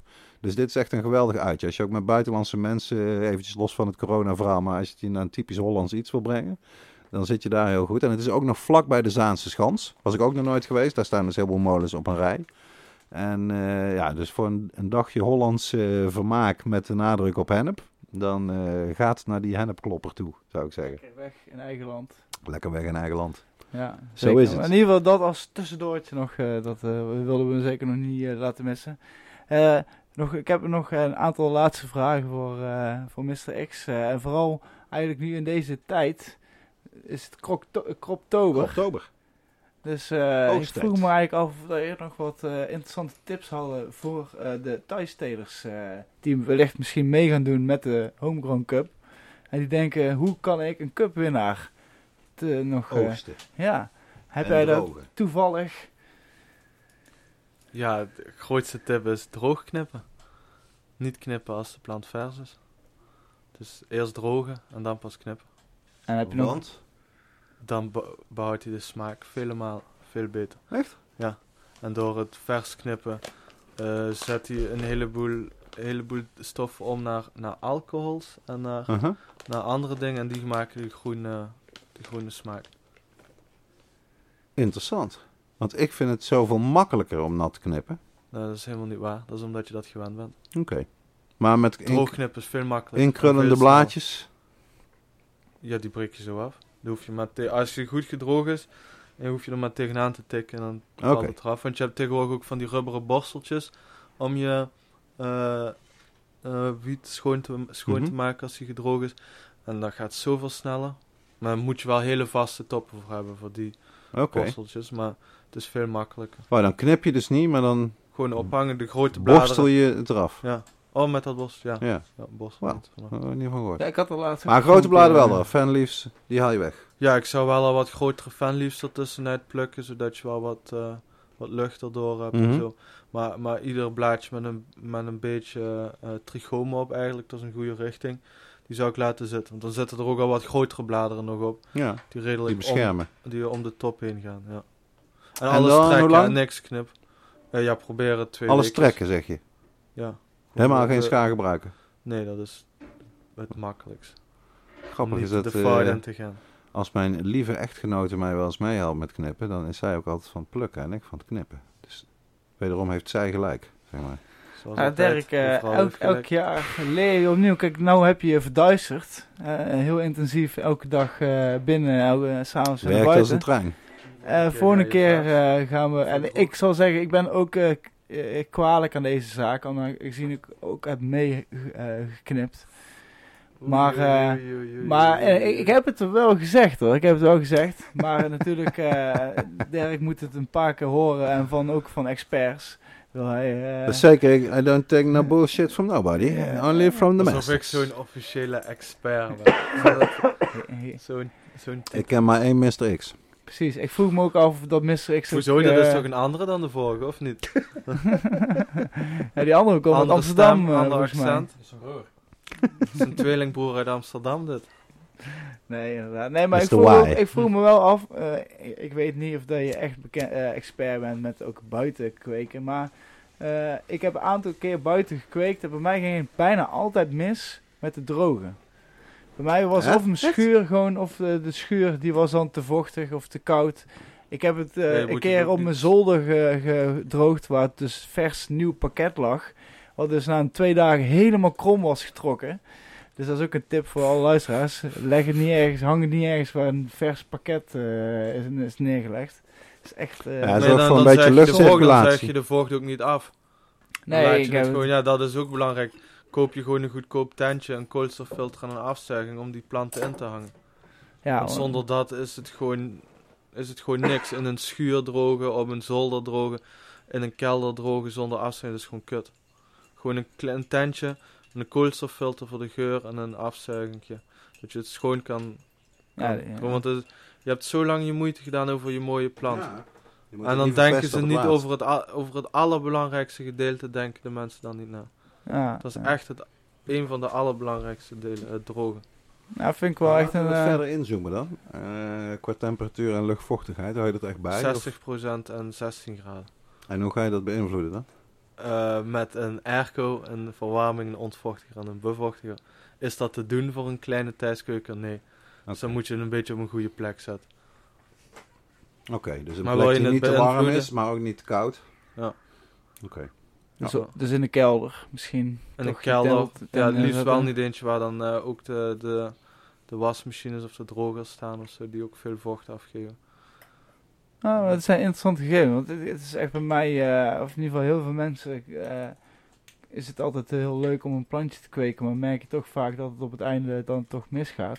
Het is Ja. toch eh, handig als Of je- inderdaad ook geen van die airwikjes of dat soort dingen. Ook niet een kamer verder zetten of er in de buurt, want het trekt de Ja, wielen. dat moet je echt niet doen. Hè. Ja, Ik heb mensen altijd, maakt niks uit wat ze me laten zien, het ruikt gewoon naar hun wasmiddel, of het ruikt naar hun, of het ruikt naar hun eh, eh, luchtverfrisser of wat dan. Oh, zou het soms daarvan komen, ja? Die 100%, gekke chemische smerige smaak. Die, eh, ja, ik ja, niet ook iedere gekke, gekke chemische smaak, maar zo, ja, dat parfum, dat, dat ruik je er altijd heel sterk in. Super goor. Maar het, het gaat natuurlijk niet alleen fout bij eh, de kleine thuiskweker. Het gaat Nee. ook gewoon op grote schaal fout bij de coffeeshop. ja. Oh ja, ja, ja, nee, zeker. Ja, want eh, ik, ik laatst ook hier in Eindhoven. Ik, eh, ook wat vaker nu de ja, wiet van hier uit de coffeeshop gerookt. Vanwege een vriendin. Ja, het smaakt allemaal hetzelfde. En eh, of dat nou niemand wil drogen of zo, ik, ik weet het niet. Nee, iedereen, wil het, iedereen wil het vers knippen en, eh, en in, de, in de netten leggen. Nou, dat doe ik ook. Dat heb ik maar één keer gedaan. en Dat vond ik ook niet... eh, Zoiets geks, die netjes. Iedereen komt er altijd maar naar vragen. Kleine kwekers, grote kwekers. ja. Als je, ja, als je een grote Ik heb kweker het maar ook één keer gedaan, nooit meer. Ik kreeg gewoon van die vierkante, platte topjes. Ja, ze eh, plat. Ik vond het vreselijk en ze droogden voor mij snel. goed. Ja, en dan eh, Bij mij ging het juist zo snel. Oké. Nee, gewoon ophangen toch per tak. Of doe je per plant. maakt niks uit. Moet je zelf Oké. lekker op fijn vinden. Ja, mijn probleem is altijd tijd. Dat, eh Het kost, de luisteraars kost minder tijd hè, om zo te oogsten. Nee, maar ik heb gewoon, zeg maar, ik kan eventjes vaak een half uurtje iets doen. En dan moet ik weer, weet ik veel wat. Dat is perfect. Een half uurtje heb je je plant geoogst, trek je de grote bladeren ervan af, zet je Ja, dat maar ja, op. ja oké, maar dat is zeg maar voor het eerste deel. Maar er komt natuurlijk een moment, want ook daar eh, heb ik ervaring mee, dat je gewoon te weinig tijd hebt om, om het weer te verpakken, zeg maar, als het droog is. En Nou, dat is alleen maar-. Dat is alleen maar beter, want nu is het gewoon goed gedroogd en nu hoef jij het niet allemaal in één keer te knippen. Steek het ongeknipt in je pot. En zodra je dan zo'n klein potje 20 gram pakt die je gaat knip je die toch op het moment zelf. Ja, je- maar dat, ik ben te veel gemaksconsument. Ja, Ik wil mijn wiet wat gewoon... wil je nou? Wil je nou goede wiet of wil je nou gewoon heel lui zijn? Ik wil het Dan allebei. gaat, dan gaat kopen ergens. Ja. Maar misschien, misschien heb je gelijk, Mr. X. Ja, ja, Voor alles in het leven wat je wilt, moet je een beetje moeite doen. Ja, Ah, ik ben, het goed ik ben, ah, ik ben Ja, enorm het, is, onder het is aan jou inderdaad. Het is aan iedereen persoonlijk om in te Of het nou gaat- hoeveel moeite Of het je gaat over je wietplant of je huwelijk. welk Hè? resultaat. Je podcast. Het is waar. Het, is, eh, het heeft allemaal met geduld te maken. En met zorgvuldigheid. Ja. Maar ik moet zeggen, ik heb enorm veel respect voor Dirk. Dat het feit dat hij toch eh, elke dag eh, toch gewoon zijn planten heeft. weet, ik bedoel, moet je maar toch voor over hebben. Het zijn mooie planten. En wij kunnen er nou van genieten. Dus dan maakt het extra... Zeker. 100% bio, hè? Ook dat nog eens, ja. Ook dat nog eens. Ja, heb je er eigenlijk voeding aan bij toegevoegd? Eh, ja, eh, nou ja, eh, dit, niet omdat het de sponsor van deze aflevering is, maar ik heb inderdaad die Biotaps tabletten gebruikt, Die mij Toeval. die mij zeer goed bevallen. Nou, nee, dat, is- dat deed ik al lang voordat de podcast Oh, hier ja. überhaupt maar bestond, eh Mr. X. Dat is ook goede voeding. en ik heb... Dat is ook gemakkelijk gewoon, toch? Dus daarom... eh, Ja, dat is vooral het ding. Slow release, weet je wel. Je Ja. doet ze in die pot en eh, je hoeft wat minder zorgen te maken. En ik ben sowieso iemand die nooit, zeg maar, bij elke voeding voeding bij doet. Ik wissel sowieso af met water. En ik doe liefst zoveel mogelijk water. Mm. Dus ik heb misschien, weet ik eigenlijk niet eens of het nou Canna was of wat ik nog had staan. Bionova heb ik ook wel eens eh, die voeding van. En van Biotips, die heeft ook zo, zelf ook een vloeibare voeding. Dus dat is inderdaad meer wat ik, wat ik nog heb staan. Ik ben niet echt heel... eh, want, eh, dat vind ik ook nog wel interessant. Ben jij inderdaad heel erg zoiets van, ik gebruik altijd alleen maar dit of alleen maar dat? Of, of ligt aan de plant? Oh nee, ik wou dat ik zo was. Ik moet altijd wel wat nieuws uitproberen. Ah, ja, dat is natuurlijk ook een ding. Dus, Oké, dus als, het, als ik jou nou vraag wat is de beste voeding of de beste aarde, dan zeg je iets anders dan Heel vorig anders jaar. dan eh, over en de volgend volgende jaar. aflevering. Ja, oh, wat mooi. Maar ja, Je bent niet merkentrouw, daar komen we op neer. nee, nee. Dus hoe meer onderzoek ik er ook naar doe, hoe, hoe meer ik er ook achter kom, ja, hoe, hoe, hoe beter je gewoon niet bij merken kan kopen, maar het gewoon zelf goed kan Dat sourcen. hoor ik heel vaak van ervaren kwekers. Maak zelf En dan in de richting van die hele no-till en dat hele Mhm. biologische kweek. Dat is ja. wel waar het altijd naartoe gaat. Compost tea noemen ze dat toch ook in Californië? Dat is een onderdeel van het, Ja. van het biologisch kweken, inderdaad. Maar het is vooral een heleboel... eh, Oh, daar gaat hij. Compost tea. Weet, eh, zou iedereen weten wat het eigenlijk is? gewoon compost toch, wat je toch dagelijks eh, bewaart en eh, weet Nee, wel. ja, het is het idee dat je het zelf maakt, maar vooral dat je het bubbelt, toch? Daarom heet het tea. Dus je doet er water bij. Bacteriën Ah, activeren. ja, ja. En dan gebruik je volgens mij gewoon zo'n aquariumpomp, zodat het heel erg bubbelt. En dan laat je het dus echt lang, weet ik veel, 48 uur. Laat je het allemaal lekker broebelen en doen. En er zitten dus allerlei soort organische afvalstoffen bij. Ja, ja. Waarbij je dus slim moet weten van, oké, hier zit magnesium in en hier zit meer stikstof in. En dan samen bij elkaar. Maar kijk, de- wat jij net ook al de zei, bacteriën zijn meer voor de, voor de bodem te voeden. Zodat, zodat er dan bijvoorbeeld meer magnesium, Ja. of zodat er dan meer ja, ja om het voor te bereiden in feite. Ja, ja. En je Want- doet een heleboel in de aarde. Je steekt eigenlijk alles in de aarde. Want als je, als je het hebt over zelfvoeding maken voor daarna, dus gewoon als die plant al aan het groeien is, eh, wat is dan de manier? Of is, is dat ook Als je iets echt zelf voeding wil Ja. maken voor je planten, vroeger KNF. deed iedereen dat. Korean Natural Farming. Oké. Moeten mensen even Ja. Korean? Korean. Korean Natural Farming. Die Koreanen KNF. toch, hè? Ze kunnen het allemaal. Als je echt zelf, maken, als je echt zelf voeding wilt maken, dan moet je die gasten volgen. Oké. Oké. En denk jij hè, dat dat eh, voor mensen die gewoon thuisteler zijn, hobbyteler, dat dat... eh, En voor commercieel ook. Voor allebei is het Oké, dus Het dat is is nu- er wel het te is doen als je gewoon voor een paar plantjes, je Ja, eigen ook. plantjes... Oké. ook. Ja, het is voor iedereen te doen. En het is niet alleen goed voor je plantjes en goed voor je eigen ontwikkeling. eh, maar het is ook goed voor de aarde. Wauw. Dus je bent op alle dingen helemaal flower power. Goed. Nou, Het dat is- is- ik vind het wel echt een gouden Ja, en, het, en het, het kan ook, het is ook commercieel inzetbaar. Het hele no-till verhaal, het hele KNF verhaal, dus het, het kan gewoon. En we maken al een redelijke, eh, hoe noem je dat, footprint of in, in deze wereld. Met al onze verpakkingen en al ons Dat ook, ja. stroomverbruik en waterverbruik. Dus zeker waard om naar te kijken. Ja, dat is een goed idee. Heb jij nog een leuke vraag voor Mr. X? Anders gaan we door naar eh, de luisteraar. zit altijd vol vragen, maar het lijkt me goed dat we de luisteraar eh, aan het woord laten ook Want, eventjes. eh, anders wordt het weer een extra, het weer extra, extra. eh, anders zeg doe er nou, die van ons was maar even. Eh. Doe dus al nooit even zeggen, Rens. Maar eh, we gaan eerst, voordat we naar de luisteraars gaan, dat klopt. ja, de, de Friese, Friese accenten waag ik me niet aan. Maar eh, voordat we naar de luisteraars, eh, reacties van luisteraars gaan, gaan we naar de oude doos. Ja, zeker. Kerk, wat heb jij deze week, eh, of deze keer uitgekozen voor eh, de oude doos? Iets heel ouds. Eh, uit 1808 deze keer. Een, eh, een documentje wat ik eh, onlangs aan mijn collectie heb toe kunnen voegen. Met dank aan boekwinkeltjes. En dat heeft er wel uit de titel. Onderrichting wegens de hennepteelt in Holland. Uitgegeven en verspreid. Op last van zijn doorluchtige hoogheid. Den prins-gouverneur-generaal der Hollandse departementen. Dat is dus prachtig, helemaal vergeeld. Het is eh, ja, zeg maar een soort, eh, ik denk dat het oorspronkelijk in een, in een soort staatscourantachtig blad heeft gestaan eh, in, de, in 1808. Eh, ik zal het niet helemaal voorlezen, hoewel het een geweldige tekst is. We kunnen misschien iets, iets doen dat de, de luisteraars met een linkje het helemaal kunnen lezen. Maar ik zal in ieder geval met hoe het begint, want het begint meteen goed. De hennep levert thans een der belangrijkste voorwerpen op voor de landbouw van dit land. Kijk, dat is eigenlijk misschien nou nog steeds wel zo, maar toen was het dus de, de prins-gouverneur-generaal van de Hollandse departementen. Dus dit is eigenlijk een instructie voor de boeren in dit land. Mensen, kweek die hennep, want het is geweldig. De zaden, de vezels, het doet een goede prijs. Er wordt ook precies uitgelegd hoeveel je kan krijgen. Er wordt ook uitgelegd dat de hennep uit Nederland niet onderdoet voor die uit het noorden of uit Rusland. Vond ik ook erg interessant. En, ook dat is relevant voor onze moderne tijd.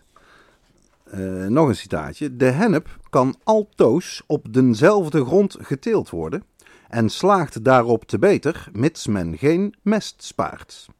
Hiertoe gebruikt men of welverteerde stalmest of welverrotte en verpluisde mestaarde. Schoon men in dit land gewoon zij de hennepakker niet te bemesten dan kort voor het zaaien, heeft echter Swerts in zijn voortreffelijke werk getiteld uh, Huppeldepup aangeraden om half te mesten voor de winter en in het voorjaar andermaal half te mesten. Uh, daar gaan ze nog even door beschrijven, ook hoe het in de Krimpener Waard gebeurt, uh, hoe het rond Utrecht uh, gebeurt, de hennepteelt. Ehm, de, ze memoreren eventjes dat de mannelijke hennep gelling wordt genoemd, een woord wat we helemaal niet meer kennen. En de vrouwelijke hennep wordt saling genoemd. Ook dat was voor mij, ik had het was ooit gehoord, maar het is leuk om het hier weer te lezen in 1808. En het is over het algemeen erg leuk om een tekst te lezen die zeg maar, van het hoogste niveau van de regering komt uit die tijd. Die de boeren oproept om zoveel mogelijk hennep uh, te telen. Uh, dat hebben wij dus ook in Nederland. Die dingen die zijn niet alleen in Amerika uh, gebeurd, maar ook hier zijn de boeren geïnstrueerd. Dus um, dat was de bijdrage voor de oude doos. doos. Ja, we zullen in ieder geval het boekje, uh, of in ieder geval uh, een aantal mooie foto's ervan, zullen we erop zetten, dat je ook zelf eens kan lezen. Maar het is echt bijzonder. En tijd dat ze zoiets weer uitbrengen, want... Lijkt me ook. Zou, Zeker voor al die varkensboeren. Het zou een enorm goede oplossing zijn voor al die boeren, om uh, gewoon iets anders te gaan kweken. Dan gaan we naar reacties van luisteraars. En we gaan, uh, we gaan over naar de, naar de, uitslag van de prijsvraag. En de, prijs, of de vraag was: hoeveel bomen stonden op de, op de erf van Doede toen hij in Appelscha kwam wonen? En we kregen hierop echt al veel aanmeldingen of inzendingen. En daarvan hebben we er eentje gekozen. Die, die de prijs heeft gewonnen. Een hele toffe prijs. Het is namelijk uh, uh, een Dutch Passion pakket met vijf gefeminiseerde zaden en zeven automatics van de Powerplant. Een snapback cap en een doosje lang vloei. En, op, als uh, pijl op de vuur, hoe noemen we dat ook weer? Pijl op de vuurklap. een gesigneerd boek van een autobiografie van Mila. How I Became the Hash Queen. En zijn inzending was, ik ga hem even erbij pakken. Hi Dirk en Rens, volgens mij had Doede drie bomen staan in, op zijn uh, boerderij-erf. Populieren, als ik mij niet vergis. Keep up the good work en heerlijk om te luisteren naar deze cannabis vriendelijk geluid. Met vriendelijke groeten, Daan. En Daan, gefeliciteerd. Jij, uh, jij hebt deze gewonnen. Hyper de piep. Hoera! Gefeliciteerd, Daan. Inderdaad. En voor ook alle luisteraars bedankt voor het inzenden. Ik kreeg, we kregen nog van iemand anders een inzending die ik ook echt uh, ook heel goed en heel grappig vond. Ik ga hem even zoeken. Want die had nog een. Uh, uh, het kwam van een Belg. Mm -hmm. En deze citeerde ook. Als Belg zou ik ook geïnteresseerd zijn in eventueel wat Belgische uh, verhalen en het activisme hier. Aha. Hoewel dat, dat hier precies wat is stilgevallen is sinds, uh, sinds de trekt-uw-plant-rechtszaak. Ik zou eigenlijk graag wat ondernemen hier in België, zodat hier de geesten wat kunnen rijpen en kunnen wennen aan de wereldwijde legalisatie. Dus uh, ik, ik, vind het wel een interessant dingetje. Misschien kunnen we daar de volgende keer ook over hebben. Absoluut. Aangezien, is in België die hele CBD-boel niet gaande. Ja, en het verschilt erg per veel, stad. Ja, in Wallonië hebben ze toch ontzettend ja. veel CBD-winkels. Ja, en ik heb nog heel recent uh, lang Skype-overleg gehad met iemand van Trekker Plant. En daar zit dus toch nog enig leven in, hoewel die mensen eigenlijk zwaar getraumatiseerd zijn. Dat is eigenlijk ook weer een afschuwelijk verhaal. Een van de plantverzorgers van Trekker Plant, die ook veroordeeld is uh, in die zaak, heeft zelfmoord gepleegd sindsdien. Oh. Uh, er komt nog een rechtszaak aan, dat is op 21 januari volgend jaar. En ik heb met Stefan onder andere besproken van Trekkerplant ja, wat voor soort strategie zou je überhaupt nog kunnen doen? Want Trekkerplant is failliet verklaard. En uh, ja, ze zijn gewoon helemaal uh, annihilated door de staat. Met waanzinnige straffen, wel onder, onder, onder voorbehoud. Maar ja, de, het hoge beroep gaat er aankomen en dat is de vraag wat er dan gebeurt. En intern, eh, dat is ook voorstelbaar, hè, met zoveel druk van de staat. Eh, zijn er ook wat onderlinge misverstanden en mensen die elkaar liever niet meer willen zien en weet ik wat allemaal. Dus het is aan alle kanten een moeilijk verhaal, want er is ook helemaal geen geld. Want ze hebben ook voor zijn boetes gehad. Een van de eh, mensen die veroordeeld is, een van de vijftien, er is beslag gelegd op haar hele inkomen van twee jaar. Omdat zeg maar, in de aanklacht stond dat zij die wiet verkocht. Dus, dus zij zit ook financieel helemaal aan de grond. Is een patiënt, medicinaal cannabis gebruiken. Dus wij gaan ook zeker met VOC proberen om in ieder geval uh, Trekkerplant uh, als eigenlijk nog het enige echte initiatief in België hè, op het gebied van cannabis.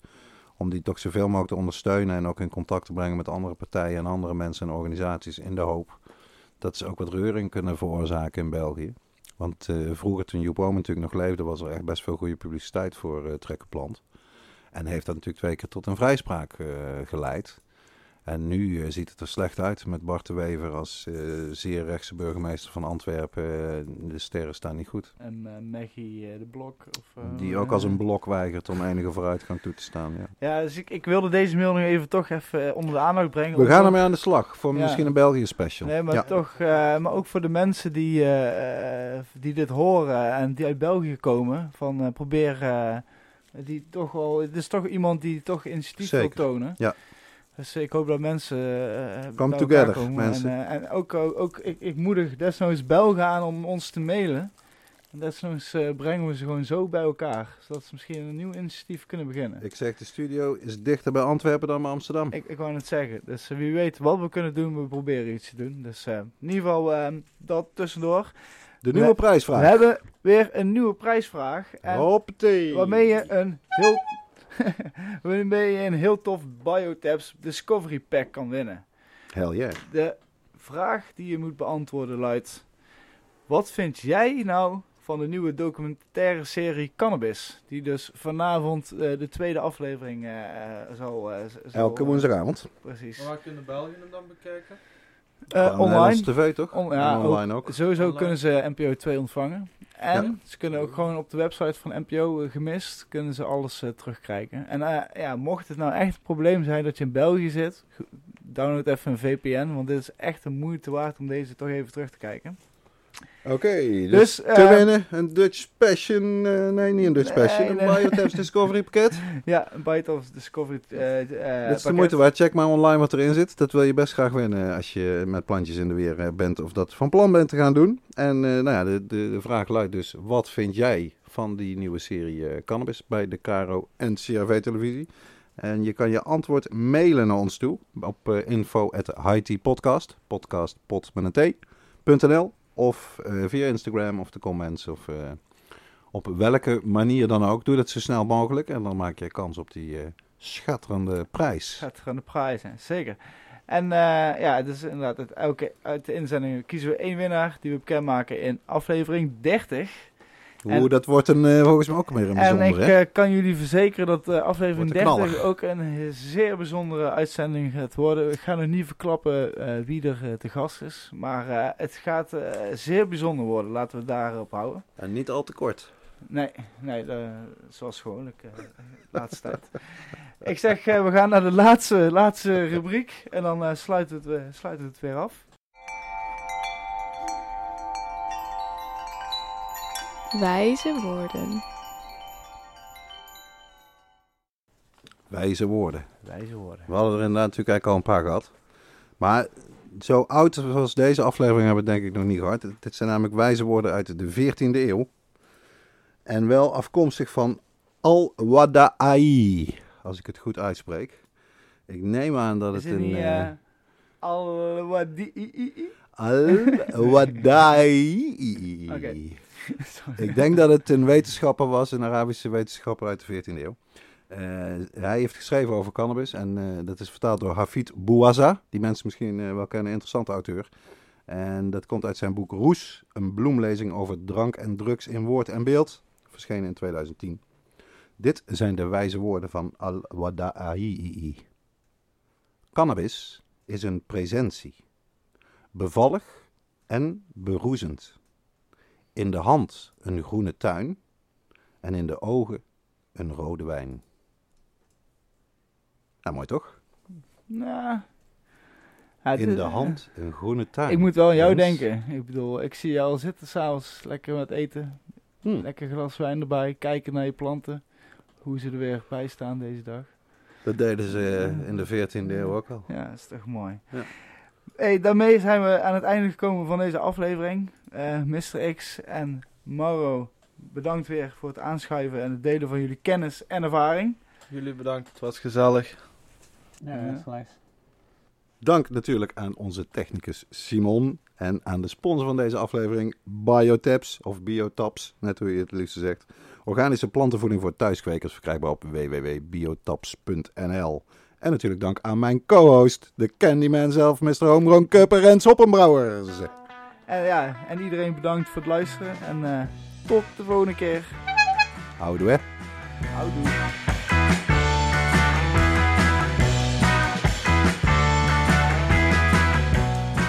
High Tea met Dirk en Rens wordt gemaakt door Dirk Bergman en Rens Hoppenbrouwers. Deze aflevering werd mede mogelijk gemaakt door Biotaps, organische plantenvoeding voor thuiskwekers, verkrijgbaar op www.biotaps.nl. Onze tune is Marijuana van de band Moon. Beluister muziek via iTunes en Spotify. Volg Tea ook op Instagram, at Podcast met een T, of mail ons naar info